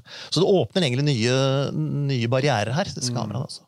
Jeg har ikke testa det ennå, um, men jeg skal teste det i romjula. Jeg skal på surfetur og jobbtur til Hoddevik igjen. Mm. Da er liksom R6 det kameraet jeg ønsker å ta med meg og teste litt. Mm. Så det kommer en video på den også. Jo, nå har vi jo snakket om den tidligere, men 50 mm til Fujifilm ja. Med den på en XT4 skal du kunne fokusere ned til minus 7 EV. Altså Man snakker vel om at fullmånen er minus 2 EV, er det det? 3 EV? Det er fullmånelys. Det er fint for eksempel, hvis du tar Og 1 EV, 1 EV mindre er halvparten så mye lys. Så hvis du tar bilde av um av eh, nordlys, f.eks., mm. så er det alltid et problem å finne fokusen på nordlys og på stjernene. og sånt. Ja, du vil kanskje ha det på fjellene i bakgrunnen, eller noe sånt, så du kan ikke bare fokusere manuelt. For alle autofokusobjektiver kan du jo stille forbi uendelig. Ja, så, det syns jeg er veldig merkelig. Når, er det det, når trenger man det? Når du bruker kontrastfokus i kamera, så må den kunne gå forbi for å se at den har gått for langt og skal kunne gå tilbake. Så det er en del sånne ting autofokuser har hatt en tendens til å jage og må kunne gå forbi uendelig. Jeg husker jeg bomma på det litt på starten. Mm. Liksom bare, okay, Du skal fokusere noe som er langt unna, går det helt ut, og så er det ikke fokus. Altså, ja, men det, okay. men mm. det men ja, det er litt til, til sånne ting. Hvis vi skal ta, vi var ute på Søringa i går kveld for eksempel, og skulle ha litt bilder av Oslo, og sånne ting, da er det jo liksom, å ha autofokus da, når mm. det er liksom bekmørkt overalt, ja. men den klarer å finne fokusen akkurat på bylandskapet. Mm. Veldig interessant. Det er veldig fint, det. altså. Selvfølgelig, Når du har lyskilder, så er det lettere, for de er veldig lett å se om de er skarpe. Ja. Så, så, akkurat til det så kan du jo fokusere manuelt relativt lett. Ja, ja. Men uh, det skader aldri med autofokus mye jobb for deg. Altså. Bare for å være helt sikker. Selv om Thomas selvfølgelig helst vil fokusere, kunne fokusere manuelt. Han vil vite hvordan han gjør det, og det er fint å kunne. Det er det. Ja, men det er noen ganger så er jeg litt slapp, jeg også. det er litt deilig, altså. det, er litt deilig å kjøre med automatgir noen ganger. Det er det òg. Ja, særlig bakkestart. Ja, absolutt. Og så er det jo noen eh, cinemakameraer fra Canon som også har eh, kommet ut. Mm. Det er jo C300 Mark 3. De har jo ny C500, men den kom ut i fjor. Så mm. den går ikke innenfor so last year. Ja, so last year. det som er spesielt med C300 Mark 3, er at liksom, den har jo fått kroppen til C500. Mm. Før så var jo C300 så litt annerledes ut. Eh, hadde en litt annen kropp, men nå har det liksom uh, brainen er liksom helt identisk til C500. Så største forskjell mellom C500 og C300 nå er uh, bildebrikken. Mm. Altså størrelsen er Super 35 mot fullformat. Altså en kropp? ja. så, så um, du kan da bruke alle de modulene som du kan kjøpe til C500, kan du også bruke på C300 nå. da. Det er veldig interessant. Mm. Så de to kameraene kan funke veldig bra sammen. Eh, men den ser jo helt annerledes ut enn sin forrige modell. Mm. Uh, og det er cinemakamera. Vi, vi har testa det litt så vidt.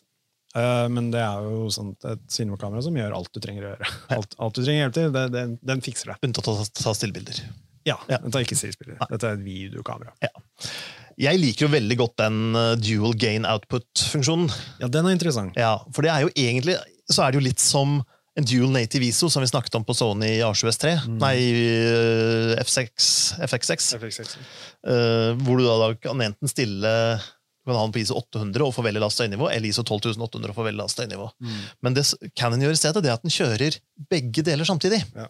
Og dermed så får du en, uh, et HDR-bilde. Mm. For du får egentlig to eksponeringer ut av det samme bildet samtidig. Og dermed så får du HDR, ekte HDR, da. Ja. Uh, ikke bare sånn HLG som er tilpassa sånne ting, men en ekte HDR-bilde Ja. uh, hele tida, uten å måtte kjøre dobbelteksponeringer. Det er veldig interessant. Og det er det også på C70. Ja. Uh, som Ja. Veldig nytt og spennende, det, altså. Mm. Absolutt. For C70 er jo det nye lille som du holder som et speilløst eller speilreflekskamera. Altså som et tradisjonelt fotokamera. Da. Og det er jo ikke alle som, som syns noe særlig om, og jeg vet ikke helt hvorfor de har gjort det sånn.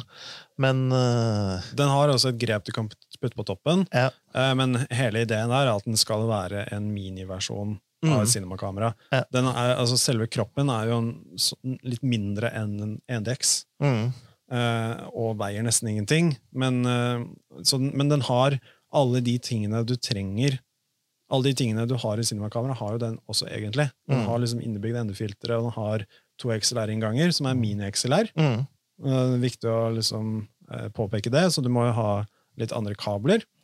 Men eh, det er liksom sånn hvis du, hvis du savner alle funksjonene som du har i cinemakamera, men altså at vekten, størrelsen, blir for stor, Mm. du ikke trenger det, så er C70 kamera for Hvis Så du vil ha ordentlig HDMI-inngang og ordentlig XLR-inngang, Ja, så, så er det og, og den har uh, RF-fatning. Den har RF-fatning, og det Ja. er viktig, for det er første Cinema EOS-kamera med RF-fatning. Så, så jeg, jeg tenkte det også når det kameraet kommer, så tenkte jeg at drømmescenarioet mitt, drømme, liksom, uh, kombinasjonen min, er liksom en uh, R5 og C70. Og bruke de to sammen. Mm. Så nå har du R5 på stills og B-foto, Mm. og du har C70 som eh, hovedkameraet ditt. da, Mm. Som gjør alt du trenger av et cinemakamera. Mm. Men alt passer i en ryggsekk. Ja. Jeg, er jeg syns det er viktig. Ja. Mm. At alt skal passe på en ryggsekk. Du skal sette deg på bussen, og så skal du liksom, uh, ut på jobben. Ja. Og så skal du ta noen bilder et sted, og så skal du filme et annet sted, og så skal du sitte og redigere på laptopen på en kafé et eller annet sted.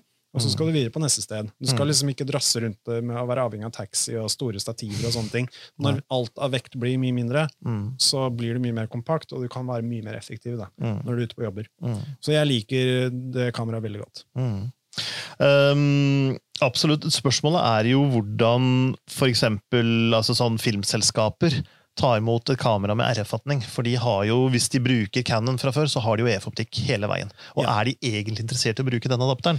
Og hvis de skulle ha PL-optikk så kan man, eller noe annet, så kan man tidligere bare sette på et eller annet, men her må da til og med to adaptere eller masse surr for å, å få det til. Det skal nevnes, det følger jo med en type speedbooster til C70 som gjør at du får uh, sette på EF-optikk, Mm. som også eh, gir deg eh, større brennvidde, så du får det Ja, du får samme bildevinkel og dybdeskarphet som du ville gjort med fullformat. Fullformat, ja.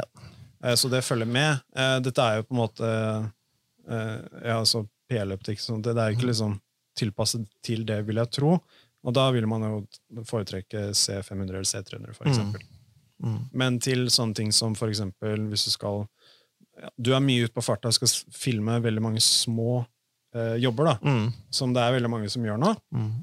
Mm. Igjen hvor det er sånn one man band og sånne ting, så er C70-kamera kamera jeg foretrekker til det. da. Ja. Og så har den også eh, noe du kommer til å like. Den har eh, eh, feste til tripod under og Mm. på siden. Ja, det er Sånn at du kan filme til Instagram på, og på Snapchat. På høykant, sånt. ja. så du jeg kan ta elsker å filme kameraet på høykant. Ja. Og menyen tilpasser seg. Mm. Alt uh, på informasjon på displayen Mm. endrer seg. Sånn som det når du flipper telefonen din. Ja, så nettopp. den gjør akkurat det samme Ja. der. da. Prøver å jobbe med å få øynene mine på høykant, sånn at det passer Ja. til det nye formatet som alle bruker. Ikke sant? Så, så det er også sånn, litt sånn at de, de tenker litt på hvor er det disse, medie, disse tingene skal vises, hvilke plattformer skal ting Mm. vises på. da. Jeg tror jeg poengterte overfor Canon at jeg var helt motstander av det stativfestet på, som gjorde det på høykant, men uh, de tok det ikke bort allikevel. Altså. Nei, de Ingen skulle hørt på på, meg. deg. det- det Ja, neste modell. Neste modell. C70S, den uten det ekstra stativfestet. C70X uh, S Erik-versjon. Ja, ikke sant? Jepp. Det var vel kameraene til Canon, men de har jo kommet med så utrolig mye gøy optikk i år, da. Ja, mye RF-butikk. Oh. Ikke så mye EF. ikke så mye EF. Nei, ganske lite EF. Hvis noe i det hele tatt, egentlig. Når var det 600 mm kom? med? Den kom i fjor. Ja. Kom i desember eller november i fjor. Ja. Så jeg tror ikke de har kommet med noe EF-optikk i år. Nei. Men de har til ene kommet med utrolig mye RF-optikk. De har kommet med to 70-200-er, for eksempel.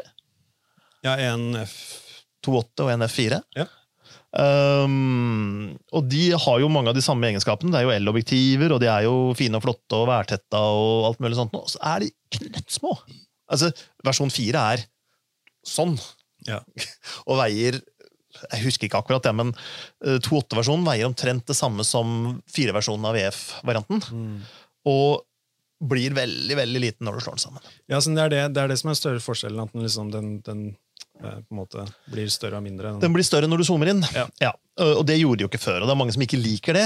Um, jeg er ikke helt sikker på hvorfor, men jeg vil heller ha et kompakt objektiv når det er pakka sammen, Mm. enn å ha noe som ikke endrer lengde når jeg bruker det. Ja, fordi igjen, den kan du sette Du trenger ikke å legge ned i sekken, du kan sette den på høykant. Mm. Da får du plutselig plass til mye flere objektiver. Mm. Fordi Problemet jeg har hatt med uh, 70-200 før, Mm. er at det er det ene objektivet du vanligvis dropper når du ikke har plass til mer ting. Mm. Ja. Fordi det tar så mye plass. Det gjør det. Og de gangene du tar det med deg og ikke bruker det, det er Mm. kjempeirriterende. For Ja. det er sånn, Jeg drassa jo med meg det svære objektivet, og så brukte jeg det ikke engang. Mm. Så du ender opp med å ikke ha det med deg alltid. Ja, og Nå- tar du det ikke med deg, så er det jeg betalte jo for det svære objektivet, og så bruker jeg det jo ikke engang. Ja. Så det blir feil uansett. Og nå, nå er det mye enklere å ta det med seg og bruke det, og det er mye mer lettvint akkurat det. da.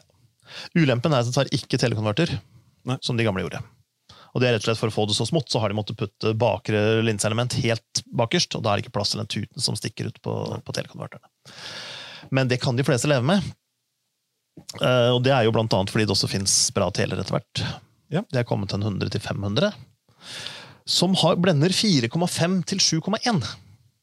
Veldig spesielt. Veldig spesielt. Og Canon har jo aldri før lansert et objektiv med største blender 7,1. Egentlig aldri et objektiv med største blender mindre enn 5,6. Ja. Så dette her er jo litt nytt.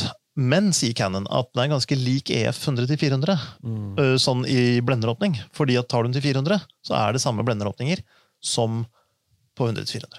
Så det er først når det går utover 400 mm at det blir mindre blender. Det er da du får den lille ekstra.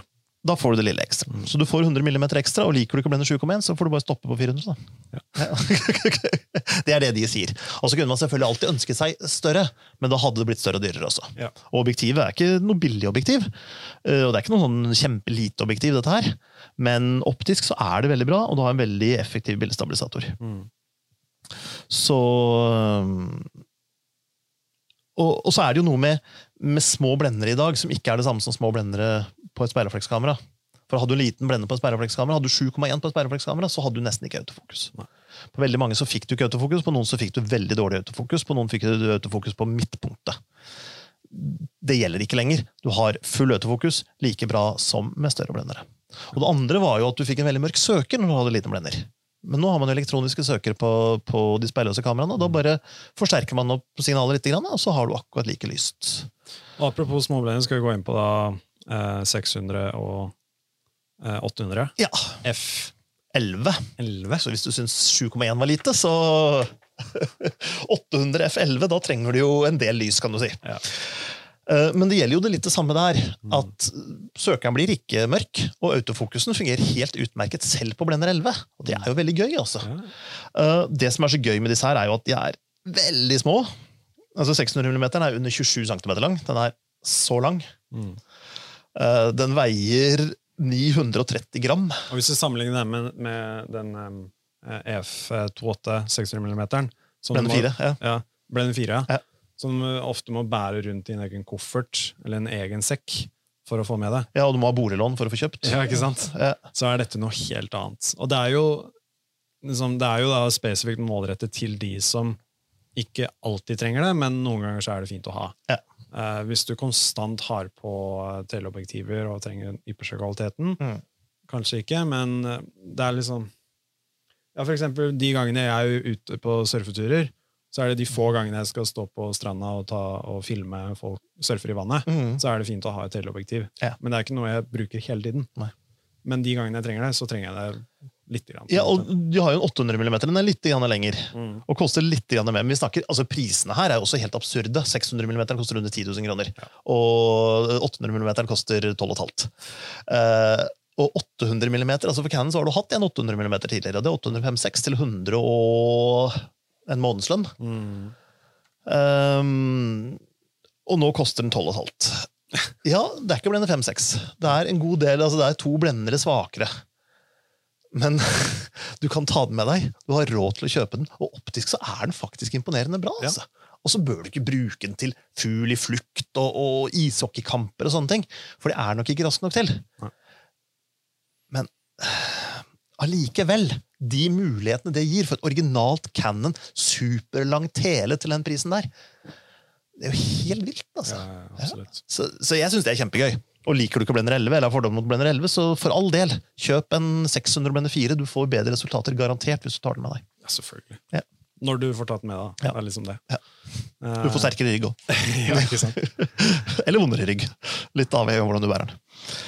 Um, så har jeg satt opp Nifty 50. Ja, Den kom jo nå nettopp. Nifty 50 er da Cannon 50 mm 1.8. Den har alltid blitt kalt ja, det. lille. Ja. Ja.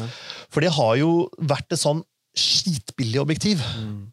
Uh, det Et av de første objektivene jeg hadde, faktisk. ja, En 60D, og så en Nifty 50 1.8. da. Ja. Og du fikk jo, det så jo bra ut, Ja, det bare pga. at blenderåpningen var såpass uh, la, Du kunne liksom Ja, bare med 50 mm. Liksom, du går fra altså bare stokkobjektivet, på en måte, bare det som følger med kamera ofte, til en sånn Nifty 50. Mm. Ja. Altså, det er jo desidert beste objektivet per krone du kunne få. Ja. Det kom en i 1987, og så kom det en versjon 2 i 1992 eller 3. Mm. De satte plastfatning og var litt sånn jalla i konstruksjonen. Og så kom det en i 2000 og en hel del Mm. med metallfatning, men var samme optiske konstruksjonen fortsatt som det var fra 1992. Eh, du kunne kjøre den på 1.8, men den var ikke superskarp på 1.8. Du burde nesten blende den helt til blende 4 før den ble ordentlig skarp, men da ble den ordentlig skarp. Mm. Men du kunne leke deg med dyb- dybdeskarphet hvis du ville, og du kunne få det kjempeskarpt hvis du ville, og den kosta 1300 kroner. Ja. Det var helt fantastisk. Ja, Den nye koster litt mer, den koster 2990. Men det er jo ny optisk konstruksjon, i og med at det er ny fatning og annen registeravstand osv., så, videre, så så har de ny optisk konstruksjon og skal være mye bedre. Og særlig på de store blenderne. Og Ja. Dermed så har du enda større muligheter for å leke deg med dybdeskarphet. Det er fortsatt et lite hendig objektiv, Mm. og det gjør jo at Uh, R-serien, RF-kameraene til Canon, blir mye mer tilgjengelig for vanlige mennesker. For mange av disse andre store objektivene koster jo 30 000. Ja, de, ja. 70, 200, 208 og 100, 500, så de koster 30 000 kroner. Og det er ikke alle som vil bruke det, men kjøper du deg en EOS RP da, og setter på en Nifty 50, Mm. så har du fin walkaround. altså. Good to go. Good to go. Good to go. Ja. Så jeg syns den er fin. Den har ikke bildestabilisator, men har du en R5 eller R6, så har du bildestabilisator allikevel. Ikke sant. Og det var, eh, det var eh, Canon, det. altså. Vi kan jo snakke lenger om Canon, men vi må jo nesten videre til de andre Vi må videre. Det er flere Ja. merker. Det er, det, er eh, mange, det er ikke mange nok merker, men det er mange merker. Ja.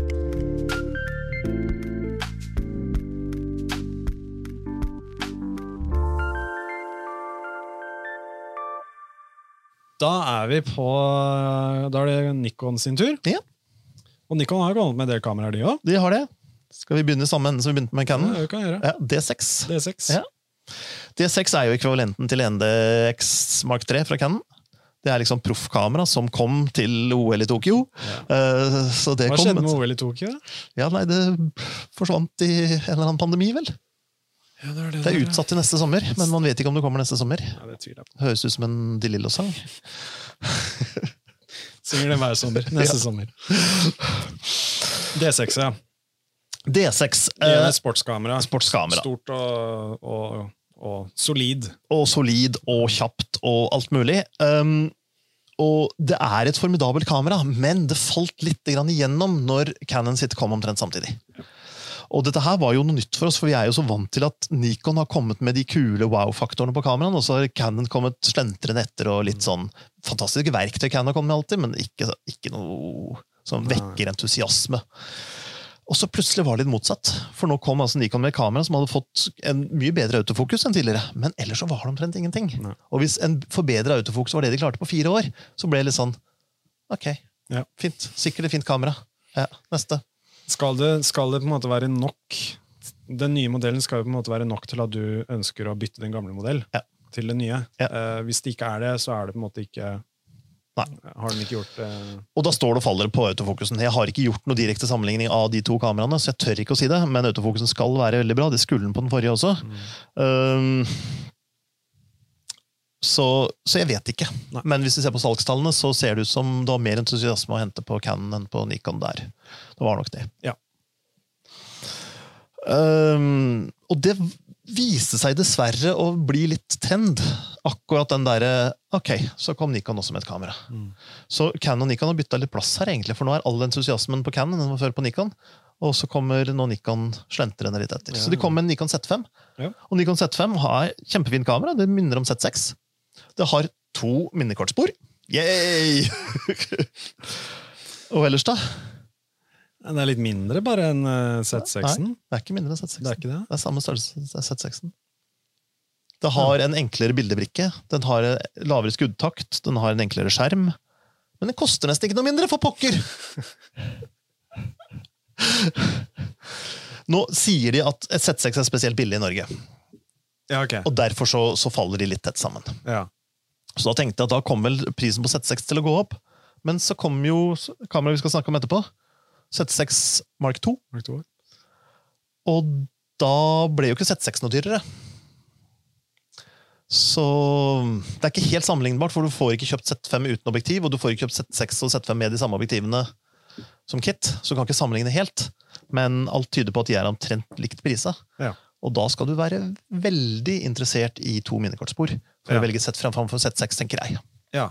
Men C6 Mark II har jo to minikortspor. Den har det, Ja. men den er jo da høyere prisa. Ja, ja, ikke sant? Ja. Så hvis du er i den prisklassen da, som Z5 er, ja, jeg skjønner. så skal du være veldig interessert i to minikortspor. Nå skal det jo sies at da Z6 og Z7 ble lansert for to, litt over to år siden, så ble plutselig alle veldig avhengig av to minikortspor.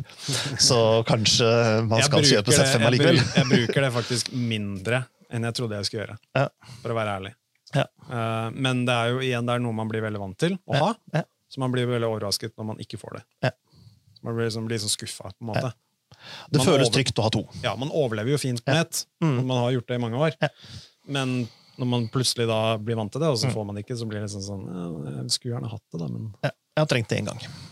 ja. det, det jeg liker med å ha to stykker, er at for eksempel på at du kan kjøre proxyfil på et uh, minnekort, Mm. eller du kan kjøre stillspill på et minnekort og vid på en annen. Mm. Da du kan liksom, og så kan du også kjøre uh, stillspiller på begge to og kopiere dem, sånn at, de går på, sånn at du har en backup. da. Mm. Så det er jo fint i, i uh, forskjellige typer workflows å ha det. Mm. Ha mulighet til å gjøre det. Mm. Eh, som igjen er noe man blir veldig vant til å ha. Å ha Og hvis noe skulle gå i stykker, så er det en trygghet. Ja. Og for meg som reiser til rare steder, så er det veldig fint hvis jeg tar bilde av noe jeg ikke har lov til å ta bilde av, og kunne ta ut ene minnekort og putte i sokken. Ja. Og så kan jeg bli stoppet av sikkerhetspoliti og bli bedt om å slette bilder, og gladelig gjøre det og smile og være veldig, veldig samarbeidsvillig. For du er litt kriminell, du også. Ja. Men ja, jeg har jo eh, testet um, Z6 Mark 2 i går og Ja. i helgen. ja. Og jeg liker det veldig godt. Den er jo kjapp på autofokus på bilder og, og sånne ting.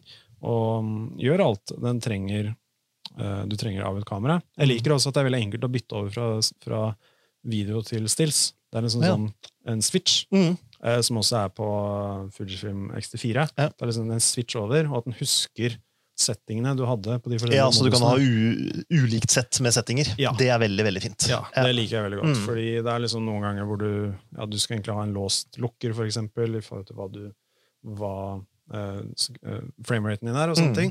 Så jeg, jeg likte det veldig godt. Så det, det kommer en video på den også uh, i løpet av de neste ukene. Eh, For det ene som egentlig er nytt på dem, er vel at den har fått en ekstra prosessor.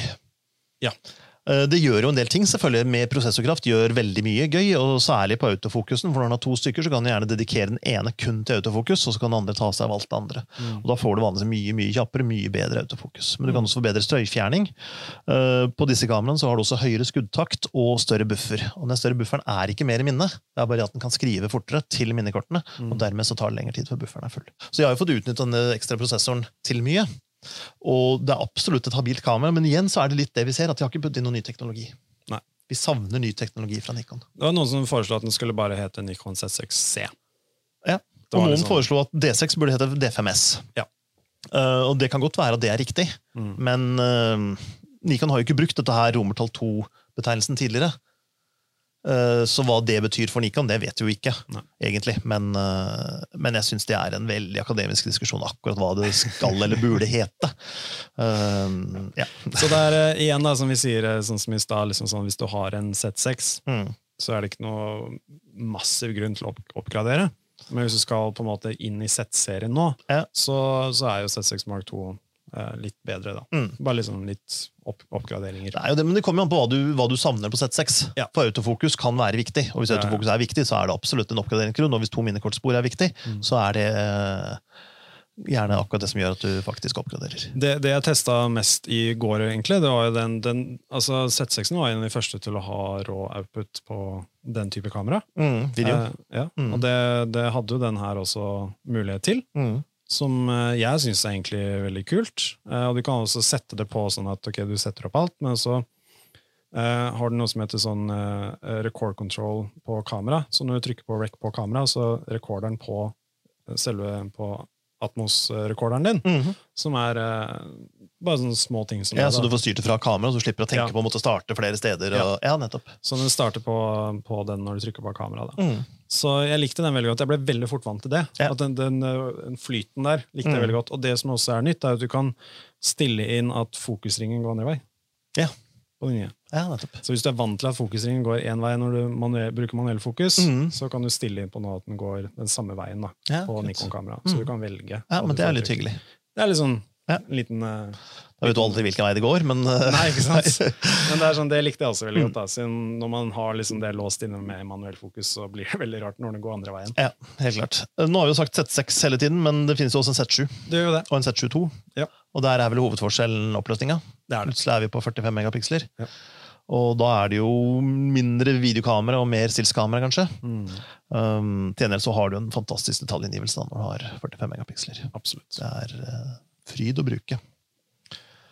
Uh, hastigheten nå er det 12, nei, 10 og 14 bilder per sekund Ja. på 7 og 6 henholdsvis. Mm. Ja. Så det er ikke samme hastighet som på R5, men det er ikke samme prisen som på R5 heller. da. Nei. Nei. Og jeg, jeg tenkte ikke egentlig at det var et Vi testa også litt på sport og sånne ting. Mm. Og 14 holder massevis, det. Altså. Altså, 14 er jo det D6 gjør. Ja. 14 er det forrige versjon av 1DX gjorde. Ja. Så nå som du kan kjøpe deg et Olympus-kamera til 15 000-20 000 som kan ta 60 bilder i sekundet, så er det litt uh, spesielt, egentlig. Det er Ja. ikke disse som er trege, det er det som er uh, eksepsjonelt. Men vi skal videre, vi. Det skal vi. Det Vi kan ha et kamera til. Et Har de enda et kamera? Ja, speilreflekskamera. Hvor mange kameraer er de her? D780. Ja. D780 har erstatta D750. Egentlig så er det en Z6 med speil. Mm. 24 megapiksler, 12 meter bilder per sekund, en del sånt nå.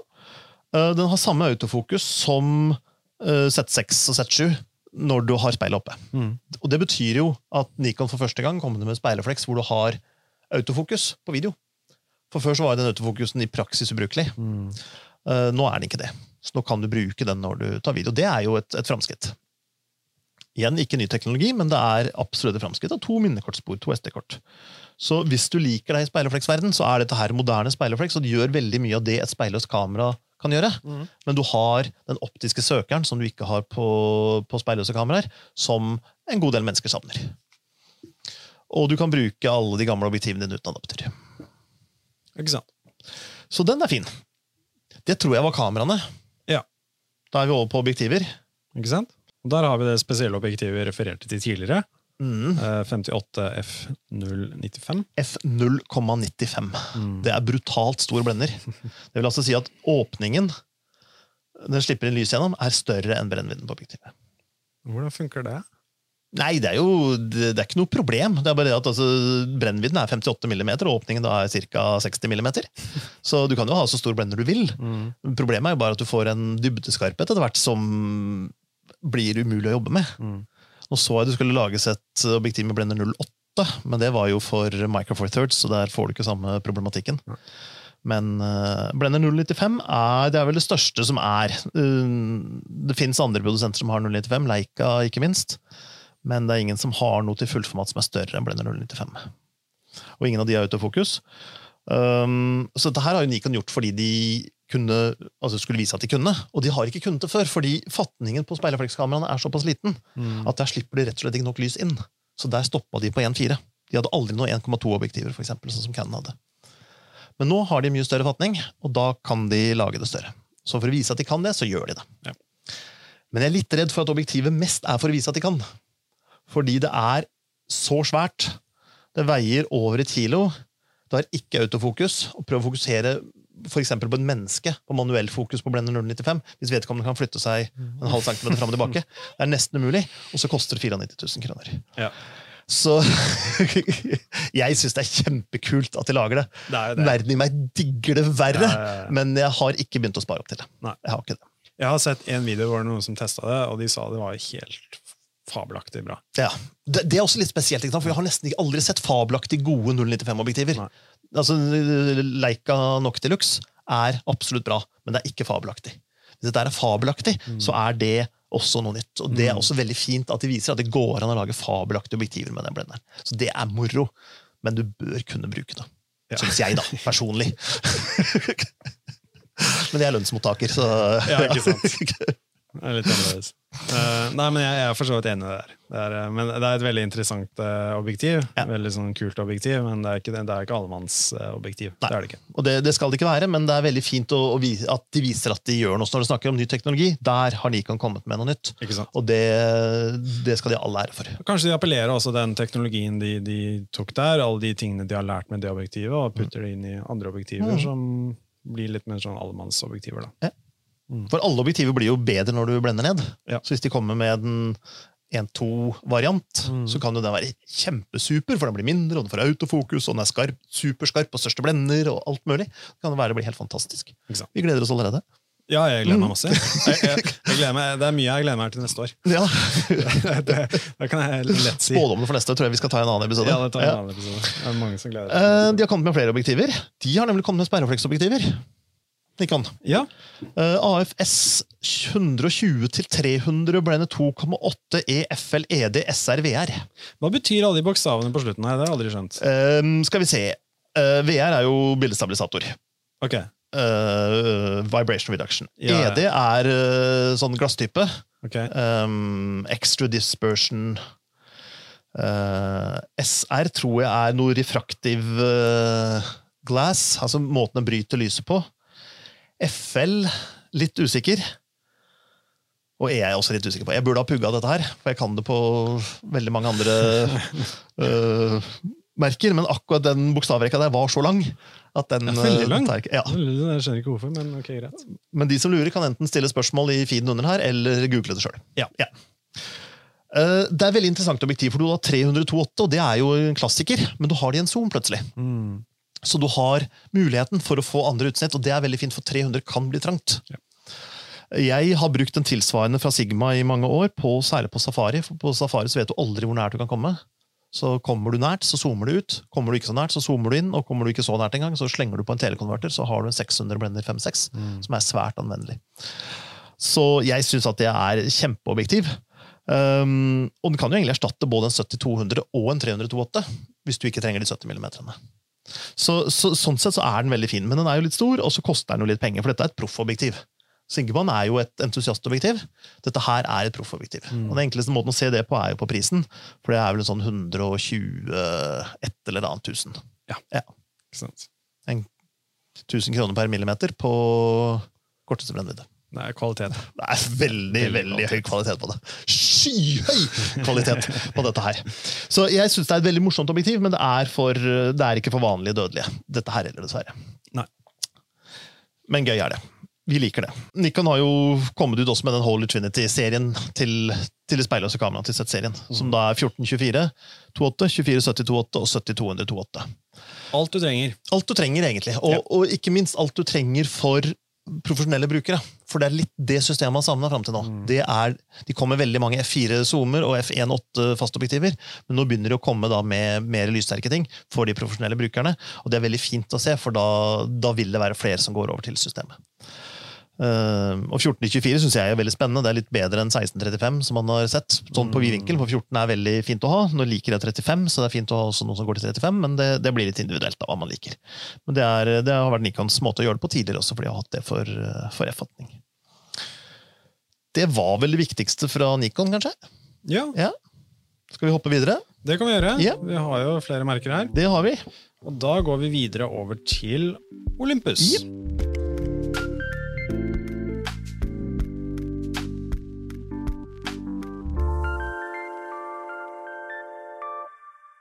Her har det jo skjedd litt grann. Ja. Eh, ting. Det har skjedd litt grann ting. Det har jo vært spekulert lenge om Olympus rett og slett skulle legge ned hele kameradivisjonen. Og øh, Olympus blånekta sa vi er helt avhengig av kameradivisjonen vår, for det er så mye synergieffekter over til medical-divisjonen vår. Mm. Eh, Så de nekta, nekta, nekta, nekta, helt til en dag de sa nå selger vi kameradivisjonen. Så, så gjorde de det. Til et selskap som heter JIP, Japan Industry Partner, som også overtok notebookene til eh, Sony for noen år siden. Mm. Uh, vi vet ikke helt hva som kommer til å skje. De sier at de skal fortsette å utvikle. Uh, kameraene kommer til å hete Olympus en stund, men vi mistenker at de etter hvert bare vil hete OMD og ikke Olympus. Ja. Blant annet fordi det nye selskapet heter OM Digital Solutions Corporation, eller noe sånt. Eh, men det er jo uvesentlig. Det som er vesentlig her, er jo hva kommer. Det vi har savna fra Olympus i det siste, er jo litt som fra Nikon. Nyvinninger. Hva er det som er nytt og spennende? Hva er det de kan få til å putte inn? Mm. Og Olympus har kutta ned på utviklingsavdelingen, de har kutta ned på veldig mange avdelinger tidligere, og det har vært lite nytt og spennende å hente. Um, og Derfor så håper vi jo at uh, JDP har kjøpt dette her for å utvikle videre og lage noe de kan tjene penger på, ikke for å legge det ned. Det blir veldig rart. Så at de går kanskje mer inn på spesifikke markeder, da? Det, det tror man. Så at de vil satse på naturfolk, øh, naturfotografer. Øh, for de har jo noen områder hvor de er veldig gode, nemlig skal du ha et lite system, skal du ha lang tele, da, så kan du få det relativt rimelig og relativt kompakt og lett i et uh, Olympus Micro Four Thirds-system. Og værtettinga til Olympus er bedre enn alle. Mm. Olympus liker ikke at jeg sier det, men øh, skulle du miste kameraet i bekken, så er det ikke noe krise. Ta det opp igjen, og fortsett å jobbe. Ikke prøv det hjemme, da. Don't try this at home. Gjør det ute i bekken. Nei, altså Neida, Men jeg har, jeg har dyppa et av disse OMD-kameraene i saltvann Mm. og fortsatt å bruke det etterpå. Ikke noe problem. Men det er ingen som garanterer at det funker. Men øh, skal du i, ut i kajakk og du er i fare for at du går rundt, så ville jeg ikke hatt med meg noe annet systemkamera enn et Olympus. Nei, det, den, den skjønner jeg veldig godt. Så vi vet ikke helt hva som skjer framover, men at det fortsetter å utvikle, det er ganske klart. Og at det ikke er noe stort problem å kjøpe Olympus i dag fordi du skal være redd for at det forsvinner, det ville jeg ikke gjort. For de hadde ikke brukt masse penger på å kjøpe dette her hvis de ikke hadde hatt tro på at det blir noe av det. Så ikke vær redd for det. Eh, Men de har kommet med kamera, de har kommet med objektiver. Mm. Eh, Ikke veldig mange, men OMD EM1 Mark 3 Ja. er jo et litt interessant kamera. Det testet jeg i sommer. Ja. Nå klaget jeg nettopp på at det ikke har kommet med så mye ny teknologi, men det som er nytt i det kameraet, det er jo at det egentlig er storebroren EM1X putta inn i et hva kan man si, hus i Olympus-størrelse. Ja. Som er det samme størrelse som EM1 Mark 2. Og det gjør jo plutselig det kameraet veldig veldig mye mer interessant. Fordi EM1X var et formidabelt kamera, men det var ikke Olympus-størrelse. Folk går for Olympus pga. størrelsen, og da vil de ikke ha et kamera som er så stort som et Fuji GFX 100 mellomformatkamera. Liksom. så det var egentlig et veldig stort framskritt, og det kameraet har jo en del funksjoner som er grisekule, rett og slett. altså. Og Du prøvde det, hva har du, har du noe lurt å si? Jeg likte det veldig godt. Den har jo, som sagt, Olympus er kjent, for å ha god bildestabilisering Mm. i kameraet. Og den funker både på video og på stills, og den gjør alt du trenger å gjøre. Mm. I en veldig liten pakning. Ja. Um, jeg tok, på, tok den med til, uh, igjen til Hoddevik på surfetur, og jeg bare merket med en gang at liksom Vekten på sekken var ikke noe problem. Jeg kunne ta med masse flere objektiver. Jeg liksom hadde mye mer spillerom der. Og det var liksom ikke noe hinder. Altså Størrelsen og vekten var ikke noe hinder i det hele tatt. Nei. Så jeg likte det veldig godt. Og at jeg filmet surfere, at jeg kunne ta med et par teleobjektiver uten at det var noe hassle i det hele tatt. Mm. Eh, og, men eh, også bildestabiliseringen var veldig, veldig bra. Ja, kanskje Og- ikke så bra på surfere, for de driver og flytter på seg hele tida. Sånn, men eh, gidder aldri stå stille. Nei. Nei, men så, men, ja, så jeg, jeg likte det veldig godt. Og det er jo sånt, et veldig veldig fint reisekamera reisekamera å ha med seg rundt. Ja. Den leverer veldig bra ting, og er ikke noe stress å ha med seg. Da. Så jeg likte det. Jeg synes det var bra. Og det er det som er det store argumentet. Det er jo at du får en hel del ting på en mye mindre både vekt, men også pris. Mm. Så, så hvis du ikke har lyst til å betale 120 000 for en Canon 600 Blende 4, så kan du kjøpe en eh, Olympus 300 Blende 4 som i samme bildevinkel, eh, som koster 25 Ja. Og plutselig så er den innafor rekkevidde. da. Og så kan du si at ja, men den, det slipper ikke inn like mye lys, og du får ikke samme dybdeskarphet osv. Nei, men du betaler en femdel. så, så det er absolutt noe. Og så har den noen funksjoner som ingen andre har. Og en av de virkelig kule funksjonene som Olympus skilter altfor dårlig med, det er håndholdt high-res. Ja. Altså, veldig mange kameraer i dag har, du kan sette på et stativ, og så kan du sette på high-res-funksjon, og så tar den seks eller åtte eksponeringer, og så får du et bilde i mye mye høyere oppløsning enn det kameraet egentlig har. Og Det forutsetter stativ og et stillestående motiv. Olympus, så med EM1X og EM1 Mark 3, så trenger du ikke stativ. Du trenger fortsatt et noenlunde sånn motiv. Det skal i hvert fall ikke flytte seg i løpet av eksponeringstida, men du kan håndholde dette her. Og ikke bare får du da et mye mye høyere oppløst bilde, du får vel 40 megapiksler mm. fra et 20 megapiksel-kamera, men når du tar så mange eksponeringer, som er bitte, bitte, bitte litt forskjellig, så vet den hva som er signal, og hva som er støy. Ja. Så om du tar dette her på skyhøy ISO-verdi, så kan du bare fjerne alt sammen etterpå. Det er ikke noe problem. Og jeg, jeg bare testa, jeg satt i sofaen og lekte med det og knipsa på ISO 6400, og det fantes ikke støy en plass. Nei, Og 6400 på Micro Four Thirds, det er en høy ISO-verdi. absolutt. Null problem! Det kunne godt vært tatt på ISO 200. Du hadde ikke sett forskjell. Og det er helt vilt, altså. Og det er, det er veldig, veldig gøy. Det er spesielt. Så egentlig, hvis du tar bilde av stillestående motiver, så bør du egentlig bruke high-res hele tida. Mm. Fordi du får så mye mindre støy. Og du får mer detaljer. Ja. Så det er kjempekult. Vi så jo Morten Wold vise det på under høstmessen vi hadde, Ja. hvor han demonstrerte dette her eh, i praksis. da, Hvor han var og tok bilder av nordlys og tok bilder av fjell på kvelden. og sånne ting, og Det så utrolig utrolig bra ut. Mm. Også den derre um, Starry Eye-funksjonen. Ja. Starry Sky. Uh, Starry Sky. Mm. Starry Eye, det er en sang. ja. uh, uh, Starry Sky-funksjonen. Fortell litt om hva det er for noe også, for det er også litt spesielt. Ja, Egentlig så er det en funksjon som egentlig så vet den bare at du tar, skal ta bilde av stjernehimmelen, og da er den veldig nøye på å fokusere på stjernene. For Det er vanskelig å fokusere på stjernene. Så det er nøye på å fokusere på stjernene og eksponere sånn at ting blir riktig. Mm. For ellers så kan det fort bli at stjernene blir for mørke, eller omgivelsene blir for lyse, osv. Her kan den gjøre en del ting. Olympus er ganske flink til å gjøre ting i sånn nattfunksjoner for å få til det. Og Det gjør at du egentlig kan få veldig flotte nattbilder med stjernehimmel, hvor du også ser landskapet rundt. Ehm, så alt blir fint og flott og riktig Mm. eksponert. Det, det, fungerer, det fungerer bra. Ja. Så Olympus er jo, de har veldig mange funksjoner i kameraene sine. Mye sånn software-ting som er ganske spesielt og kult. Ja. Eh, de har kanskje, Noen sier at de har kanskje litt for mange ting, så det er litt sånn vanskelig å holde oversikt over alle sammen. Ja, noen er så godt gjemt at de får vite om dem hvis de Ja. ikke begynner er spesielt Ikke interessert. Det er litt synd, egentlig. Ja, det er det som er litt synd, fordi det er liksom, de er veldig flinke på software og optimalisere Mm. det, få det beste ut av kameraene sine. Ja. Og, og at du får mye hjelp fra kamera til å gjøre ting som det der. da. For eksempel den der øh, øh, Composite Live Composite. Ja, ja. Den er jo sånn at den tar mange bilder etter hverandre, men du setter den første til å eksponere riktig for omgivelsene, og på alle de påfølgende bildene så tar den bare det som er endret fra det første bildet. Mm. Det, som er, unnskyld, det som er lysere enn Ja. på det første bildet. Så skal du ta bilde av lynnedslag, Ja. så var jo det i gamle dager helt klin hakkumulig, for du visste jo aldri hvor du, øh, når eller hvor du slo ned. Og akkurat når du var ferdig med eksponeringen og det ikke var kommet noe lyn, og du måtte stoppe og begynne på nytt, så kom lynet mens du drev på og ikke hadde Mm. satt opp. ikke sant? Nå kan du bare sette opp kameraet i retning tordenværet, og bare la det stå. Og den første eksponeringa tar omgivelsene, så de blir riktig eksponert. Og så skjer det ikke noe mer før lyset kommer. Altså før lynet kommer. Og når det kommer, så får du med bare det, og ikke Ja. noe ekstra, så har du et kjempefint bilde med lynet. Og den kan bare gå og stå. Spesielt. Mm. Veldig Og, og noen kan kalle det juks, men juks eller ikke juks, pokker heller. Hvis du får det supre bildet av lynet som kommer ned på en, en uværsdag, kan det bli så stilig at da kan det får det bare være juks. altså. Unnskyld meg. Autofokus kan være juks, det òg. Autofokus kan være juks. Altså, det er så mye juks i disse kameraene. Alle de- Digitale bildebrikker kan være juks. Ja, ja, ja, ja. Framkalling er juks. Og det, er, det er juks uansett. Foto har alltid vært juks. Så det er jo veldig greit. Nei, så de har en del morsomme sånne ting. da. Og, og M1 Mark 3 har jo digitalt endefilter. Så du, Ja, du kan ha inntil et femstopps endefilter Mm. digitalt. Eh, Men til forskjell fra alle andre kameraer, så ser du også i søkeren effekten av det. Mm. Så du kan se, Hvis du da tar bilde av rennende vann, for eksempel, som er typisk, så ser du hvor spøkelsesaktig det rennende vannet blir i søkeren før du tar bilde.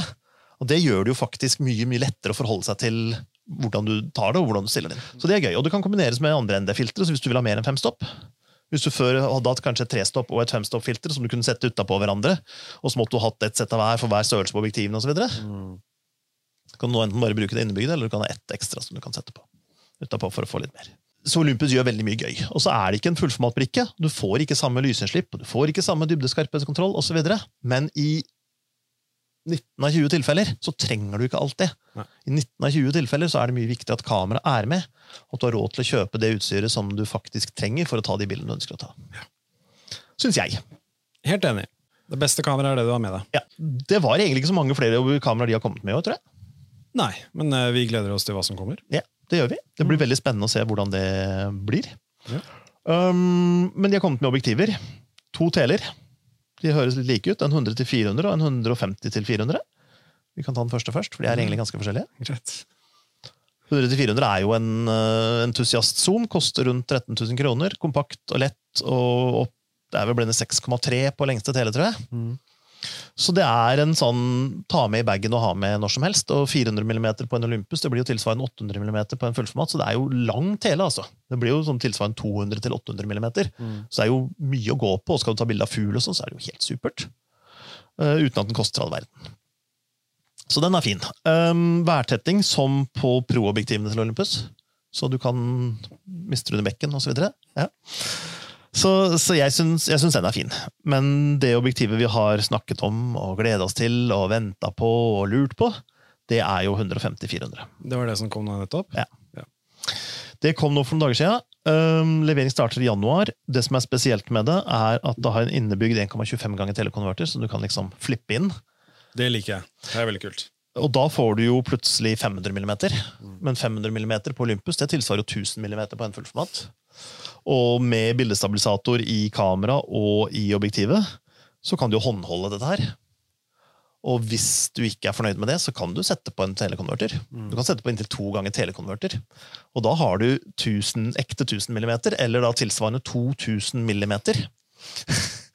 Håndholdt! 2000 mm det er nok til at uh, fullmånen fyller bildet. Ikke sant? Ja. Vanligvis er fullmånen en bitte, bitte liten flekk. Fyller fullmånen med bildet. Det er ekstrem forstørrelse. Eh, og det kan du håndholde med denne her. Det er rett og slett gøy. Det er veldig, Ja. veldig gøy. Um, og dermed så Og så er det jo ikke så svært. altså Canon Nikon har noe 200-400 Blender 4 med telekonverter. Men de er så svære og så tunge at Ja. det er jo flere som har bytta dem og så levert inn brukte, for de orker ikke å bære på dem. Denne her veier under 1,9 kilo. Er hvor lang var den? 31,5 cm lang. Ja. Så den er så lang. Um, og koster jo halvparten av Canon Olympus sine. Nei, Canon og Nikon sine, men den blir jo ikke billig av det, da. Det er jo dyrt til å være Olympus-objektiv. Koster ca. 73 000. Så det er jo nesten tre ganger av det nest dyreste Olympus-objektivet. Men det er jo et objektiv ikke for den glade vandrer. Det er jo for profesjonelle fotografer. Og at Olympus kommer med objektivet for profesjonelle fotografer, viser jo A at de ønsker seg profesjonelle fotografer, men også at de har profesjonelle fotografer. Det har de absolutt. Det har de. Og profesjonelle naturfotografer.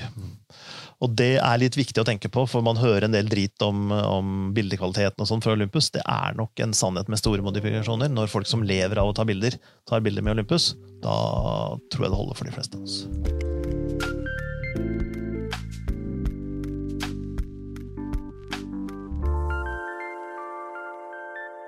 Da er det Panasonic sin tur. Ja, det er det. Og, um, Panasonic har jo kommet med litt, de også. De var jo, hadde jo sitt store år i fjor, egentlig. Mm. I 2019, med sin uh, fullformatserie. fullformatserie. Altså S1, SNR og SNH. Mm.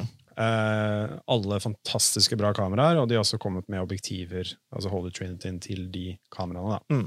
Eh, og alle objektivene som kommer til. Så de kom ut med nye. De gikk fra da GH5 og GH5S til de.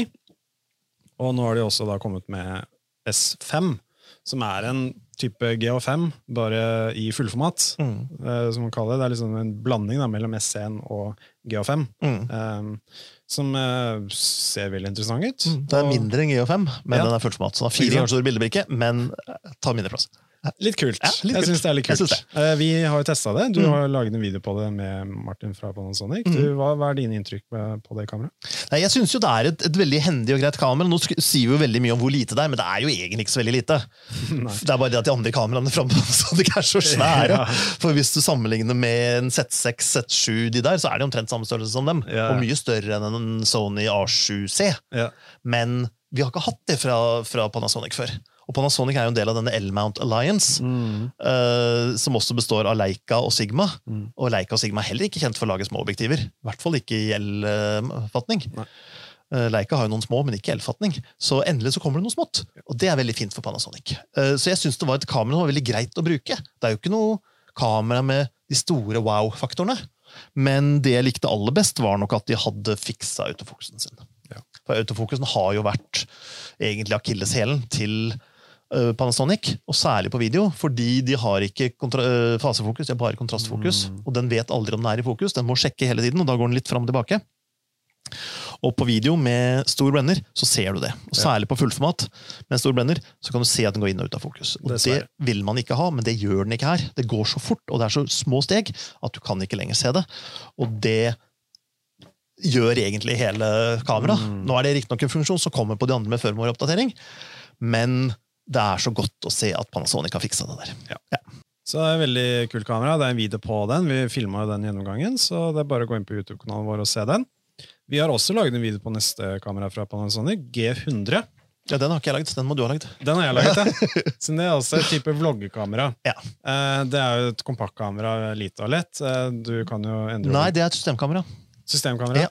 Det er ganske kompakt, men det er et systemkamera. Ja, det har du utskiftbare objektiver og Ja, tar ja, alle. MFD-objektiver. Du kan eh, endre objektivet på den, ja. Mm. Eh, Den, det er jo eh, igjen et eh, kamera som er spesifikt for eh, vloggere. Det som er litt kult med den, er at den klarer å analysere eh, hvor lyden kommer fra, og bruke interne mikrofoner, flere, flere interne mikrofoner. Mm. Så den fanger også opp lyd bak kamera, hvis du velger det. Okay. Så når du filmer deg selv, og så snur Mm. du kameraet, så skal du prate om noe du ser, Mm. så fanger den opp lyden eh, Fra bak deg også. fortsatt. Fra deg. Ja, Eh, Nei, det er smart. Så den, du, den har også mulighet til å eh, se hvor lyden kommer fra, ved å bruke liksom, ok, du har autofokus, og går det en boks rundt ansiktet ditt, Mm. og da skjønner den også at ok, lyden kommer derifra. Så Ja. da fokuserer vi lyden inn der. Mm. Det er litt spesielt, da. Ja. Og det er litt kult. Eh, så du kan også, kan også du kan velge om du skal, all, den skal gjøre alt automatisk, eller om du skal ha lyd fra foran kamera eller bak kamera, eller surround. også. Mm.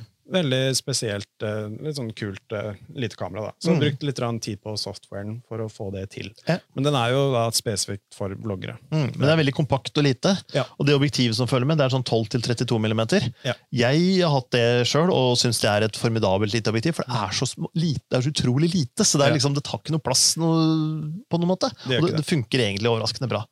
Og kamera med det objektivet koster jo ikke noe mer enn det kompaktkameraet fra Sony. ZX1, som vi snakket om i sted. Ja, Det følger også, samme, det følger også med et grep som Ja. du kan kjøpe med, som Ja. er et sånt uh, liten tripod. da. Mm. Så jeg testa det litt, og vi lagde en video på den, og den, den, jeg syns det var greit. det. Ja. Funker bra til vlogging hvis man liker det. Eh, personlig gjør jeg ikke det så mye, men eh, de gangene man trenger det, så er det jo kjekt å ha et lite kamera. som Mm. eh, gjør det. Og vil du ha noe mer fleksibelt enn Sonyen, altså Sonyen er jo kjempefin, men du kan ikke skifte objektiv. Her Nei. kan du da for skifte objektiv. Ja. Og du har litt større bildebrikke, så du vil nok ha noe bedre egenskaper i dårlig lys osv. Så, Ja.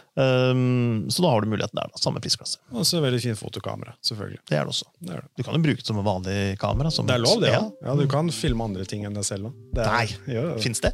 ja, det er lov.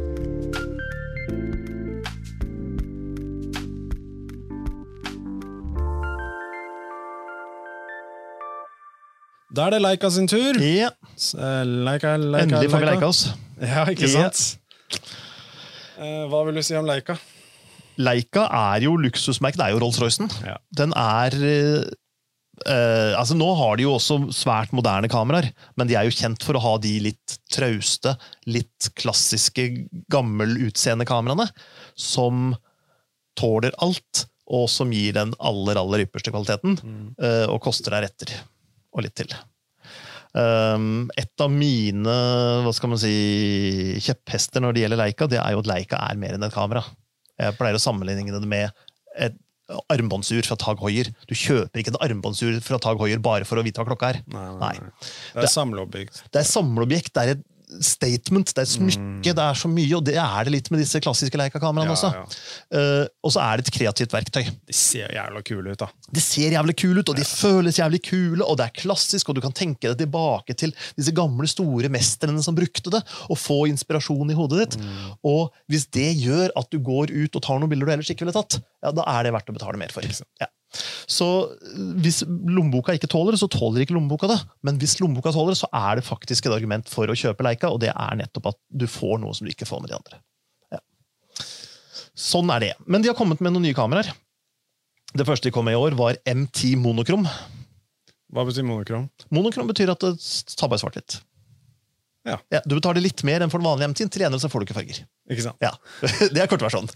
Uh, Langversjonen er jo, altså M er jo den klassiske serien med de små objektivene. Manuell fokus, rammesøker, hele den pakka der. Som har vært siden 30-tallet, vel. 20-tallet tror jeg de første prototypene kom. Eh, da hadde de vel ikke den fatningen, men i hvert fall den typen kameraer. Uh, 30-tallet så tror jeg de kom, de første. Og M10 er da tiende i serien i løpet av da 90 år. og monokrom betyr at det har ikke farger. Altså en vanlig, vanlig kamera har en CMOS-brikke, og den CMOS-brikken den kan bare se lys, den kan ikke se farger. Så legger man fargefilter foran, og så interpolerer man litt for å få riktige farger, og så trikser man litt, og så får man et kjempefint fargebilde. Bayer-filter? Bayer-filter. Ja. Unntatt på Fuji, hvor man har et ekstransfilter. Men det er uansett det er et fargefilter. Ja. Så man må lure kamera til å kunne se farger. Men det gjør noen ting. Det tar bort lys. Det lager, kan lage litt sånne artefakter, og sånne ting, fordi du må interpolere for å få de riktige fargene. Og fargeoverganger kan bli rare. Mm. Så du mister detaljer, og du mister lys. Eh, Så når man da ja, og For å få bort noen av de artefak- artefaktene, f.eks. moiré, og sånn, hvis du har sånn repeterende mønster, så kan du få rare moiré-mønstre når du har på et, et Bayer-filter. Så når de tar bort fargefilteret, så kan de ta bort også et filter som man gjerne legger på for å ta bort den moireen, for den trenger man ikke lenger. Og så sitter man igjen med en enormt skarpt, detaljert bilde. Kombiner det med Leica-optikk, som i, alle, i utgangspunktet er veldig skarpt, så har du altså Du kan forstørre opp og forstørre opp, og forstørre opp, og du Mm. kan aldri se noe tull. Det Mm. er altså så utrolig flotte filer som kommer ut av de kameraene. Det er helt vilt. Men det er jo en hake ved dette, her, rent bortsett fra at du ikke får farger. Og det er jo at hvis du, hvis du har vanlig kamera da, og du tar et bilde og så gjør du det om til svart-hvitt, så kan du sitte i Lightroom og så kan du si at 'jeg skulle hatt mer rødt'. Ja. Eh, Så kan du bare dra i en slider, og så blir det som var rødt i bildet opprinnelig, det blir da en kraftigere eller mørkere gråfarge. Eller lysere gråfarge, alt etter hvordan, hvilken vei du drar. Uh, og Da kan du få dramatiske himler, og du kan få rare farger på trærne, og du kan få virkelig akkurat det utseendet du vil. Men det kan du ikke her, for du har jo ikke den fargeinformasjonen. Så du må sette på filtre på objektivet før du tar bildet, for å få de effektene. Mm. Og du ser ikke de effektene før du egentlig har tatt bildet. Og det krever en viss type disiplin og kunnskap, og, og at du vet virkelig hva du driver med, og sånne Ja. ting, for å liksom planlegge og legge ting på før du tar bilde, og Ja. ikke tenke at du fikser i post. Ja. Så jeg liker jo det litt. Grann. Her fikser du ingenting i post, og du har heller ikke autofokus. ikke? Her, her er det manuell fokus, Ja. og du må sitte med filtre, og du må ordentlig kose deg med fotograferingsprosessen. Dette er ikke gå rundt og knips. Nei. Dette er gå rundt og planlegg og kos deg og vær kreativ. Så dette er et kreativt verktøy. Det er litt kult. Ja, Det er kjempekult. Ja. Det er ikke et allround-kamera. Det er et kreativt verktøy Mm. for sin type bruk, men det fins et enormt utvalg av objektiver til det. Ja. For uh, altså Det er laget objektiver fra Leica i tiår på tiår på tiår, og mange andre produsenter har laget objektiver med den fatningen, så du har uendelige mengder med objektiv å få tak i. Og du kan kose deg og gjøre det langsomt. Mm. Og vil du det, så er det helt konge, Ja. men det koster. Det gjør det. Ja. Men eh, vi har sett noen eh, prints og sånne ting fra det kameraet, og det ser jo utrolig fint ut. Ja, og de har jo altså, ISO 50 000. Jo, du begynner å se litt støy, du gjør det. Ja. Men det er 50 000 vi snakker. Altså, det, er liksom, det er ikke noe sjenerende. Og dynamikken er der. Og du får selvfølgelig ikke noe feil på farger, for det er jo ikke noe farger. Så du kan jo fint leke deg med så høye ISO-verdier du bare vil. Kjør på. Ja, kjør på. Så kom de med en litt mer tradisjonell MTR, som da er samme generasjonen, men som er en høyoppløst variant av M10 Mm. som da har 40 megapiksler. Eh, Det har for så vidt den monokromen også, så de har samme brikken antagelig, bare den ene er med fargefilter, og den andre er uten fargefilter. Så i praksis er det samme kamera, men den ene tar fargebilder, og den andre tar ikke fargebilder. Så hvis du av og til vil ha farger, eller nesten alltid vil ha farger, kanskje, så er MTR mer aktuelt enn MT monokrom. Ja. Monokrom er absolutt en nisje. Eh, Men hvis ikke MT monokrom er nok nisje for deg, så har de enda mer nisjeprodukt som har kommet nå nylig, som heter Q2 monokrom. Og Q2 det er et kompakt kamera. Og det kjennes også ut som et en ordentlig Leica. Den er ikke fullt så minimalistisk som de M-kameraene. Du har litt mer eh, knapper å, å bruke. Og du har en ren elektronisk søker, du har ikke rammesøkeren. Så har du mulighet for autofokus, og så har du innebygd bildestabilisator. Og i det hele tatt så er kameraet kjapt, og det er enkelt å bruke. Det er ikke noe krevende, så du kan gjøre det fort hvis du vil. Du kan gjøre det langsomt hvis du vil. Eh, Men det objektivet er da en fast 28 mm, og kun svart-hvitt. Så nå skal du ikke bare være veldig glad i svart-hvitt, men du skal også være glad i 28 mm. men det objektivet er så bra. Altså Det kan du godt sammenligne med Leica eh, Det heter Summicron 28 mm blender 2, som koster 50 000 kroner. Mm. Og da er plutselig ikke prisen på kamera på 66 000 kroner så ille lenger. For da får du et sabla bra kamera til 16 000 kroner. Hvis du velger å se det på den måten. Ja. Men altså, jeg har lekt litt med det kameraet, og det objektivet er supert. Når det ikke er utskiftbart, så kan man bygge alt med mindre toleranse. Så du får det enda enda litt bedre enn med de utskiftbare objektivene. Mm. Det er mye lettere å bruke kamera. Og nå kan du plutselig gå rundt og knipse, som du ikke kan med MT på samme måten. Du må fortsatt sette på filter og sånn hvis du skal ha de effektene, men hvis du skal ha en gatesituasjon, så er det lettere å fange. Hvis du bare går på gata og knipser gatebilder, Mm. da er det mye lettere å fange situasjoner, fordi du har autofokus, du, det er kjapt, Ja. du har ordentlig videofunksjon, du har ja, alt sammen, egentlig. Så et veldig morsomt kamera å bruke, men et helt klart nummer to-kamera for annet enn litt spesielle personer, kan vi si. Ikke sant. Ja, men det er som de sier, liksom, sånn Leica-kamera er jo så så å si altså, De er utrolig utrolig bra bygd kameraer. Og Ja. de, de setter en enorm høy standard og, og kvalitetssikkerhet på kameraene sine Ja. før de sender dem ut. Mm. Eh, I hvert fall glasset deres eh, må gå gjennom utrolig mange tester før det blir godkjent. Så når du kjøper Leica-kamera, så du får kvalitet. Så gjør det. Og du får, eh, du får et eh, samleobjekt. Mm. Du får eh, alt som følger med Leica-navnet Mm. når du kjøper de kameraene der. Og er du glad i sånne ting, så tror jeg bare unboxing experience er verdt ganske mye av det du betaler for det. Du, For det er du, det- helt du gjør det med hansker. Du vil ikke få fett, fett, liksom fett finger på, på uh, kameraene dine. Du skal liksom, dette er elegant, dette er fint, det skal behandles riktig.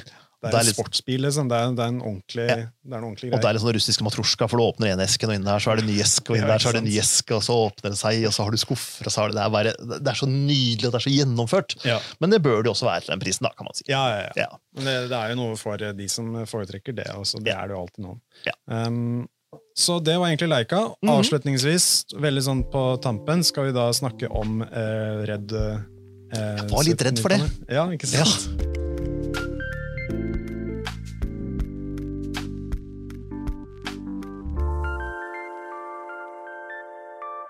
Det er jo helt ærlig et, eh, et eh, merke jeg ikke har så mye personlig kunnskap til. Mm. Det har liksom alltid vært litt sånn ovenfor eh, de prosjektene som jeg vanligvis driver med. Mm. Men det som er spennende med det nye Red-kameraet, er at de har gått litt ned både i størrelse og pris, og det er litt mer sånn entry level kamera for de som ønsker å gå inn i Red. Mm. Så det er Red Komodo.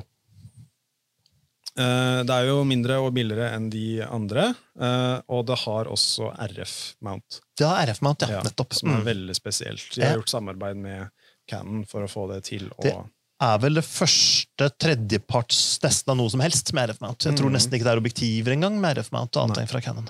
Så der kan du da, hvis du har eh, R5 for eksempel, eller eh, R6, så kan du da bruke de sammen. da. Mm. Det er veldig, veldig kult, med Ja. samme objektiver.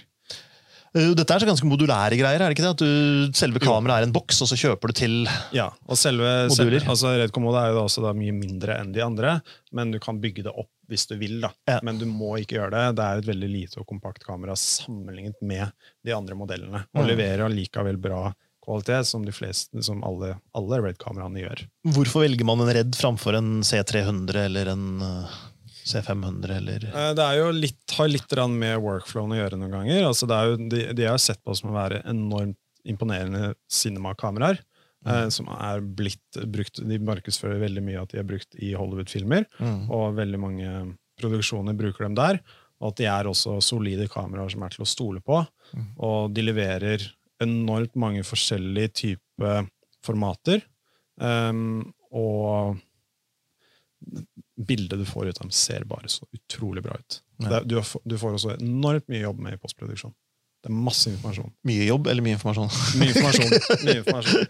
Så det er, det, er, du, det, er, ja, det er mye å jobbe med, eh, fordi du får veldig mye informasjon ut av jeg, jeg har ikke fulgt så mye med på, på Red de siste åra, men i gamle dager så var jo det liksom det Red solgte på, den fantastiske bildekvaliteten Ja, ja, ja. og oppløsning og alt mulig Ja. sånt, men det har jo skjedd så mye fra de andre produsentene. Ja, absolutt. At om du bruker en Sony Venice eller en, eh, en Canon C500 eller noe sånt, Mm. blir det de store greiene, eller blir det litt mer sånn jeg føler at dette er riktig for meg? Type, Det Red er veldig flinke på, er jo også merkevarebygging. Ja. Så de promoterer ut det at du liksom du, Det at du kan si at du brukte det samme kameraet som ble brukt på eh, en David Fincher-film, mm. er veldig kult, Mm. syns jeg. da. Men nå er jo. GoPro også blitt brukt i Hollywood, så det blir jo litt sånn ja, ja. ja, men det er sånn, du kan liksom si at, liksom, at okay, du har veldig mange, de har knyttet seg til veldig mange filmskapere blitt, som har blitt ambassadører for dem. Ja. Eh, som eh, da promoterer ut at de skyter sine filmer på. Red og foretrekker Red-kameraene. Ja, og Det er jo litt det med trygghet. altså Du skal vite at noe funker. Og hvis de store produsentene i Hollywood kan bruke det, så burde vel du alltids kunne klare deg med det, du Mm. også. Det er jo, Prisklassen har jo vært liksom en av de store på en måte eh, altså Kamera er jo én ting, men du må jo kjøpe alt av de andre modulene du skal bygge opp. Mm. alle de andre elementene også. Da. Så det blir jo en eh, ganske høy pris etter hvert, men kvaliteten eh, lever som leverer, betaler seg tilbake igjen. Og du kan ta på deg produksjoner som du ikke kunne ta på deg før. Da. Du kan ta betalt eh, priser du ikke kunne oppbetalt før, og så er det også veldig mange som leier ut sine kameraer som kjøper dem. Da. Ja, det er veldig vanlig. Eh, men, er disse modulene sånn at hvis du bytter Red-kamera, så kan du fortsatt bruke modulene? Eller er de modulene til bare den Nei, modellen? Nei, du, kan, eh, du kan bruke modulene til andre Red-kameraer. Så du har forskjellige modeller. da. Men ja, Red Komodo er jo da liksom en eh, mindre og billigere versjon for de Mhm. som ønsker å gå inn i og bruke Red-kameraer da, fremover. Så det er liksom det som er litt spesielt med den. da. Eh, ikke prøvd det ennå, men vi ønsker å få mulighet til å prøve det på et eller annet tidspunkt. Mm. Vi har satt opp noen innspillingsdager i januar, hvor vi skal gå inn på Red. Men vi får se om det blir noe av.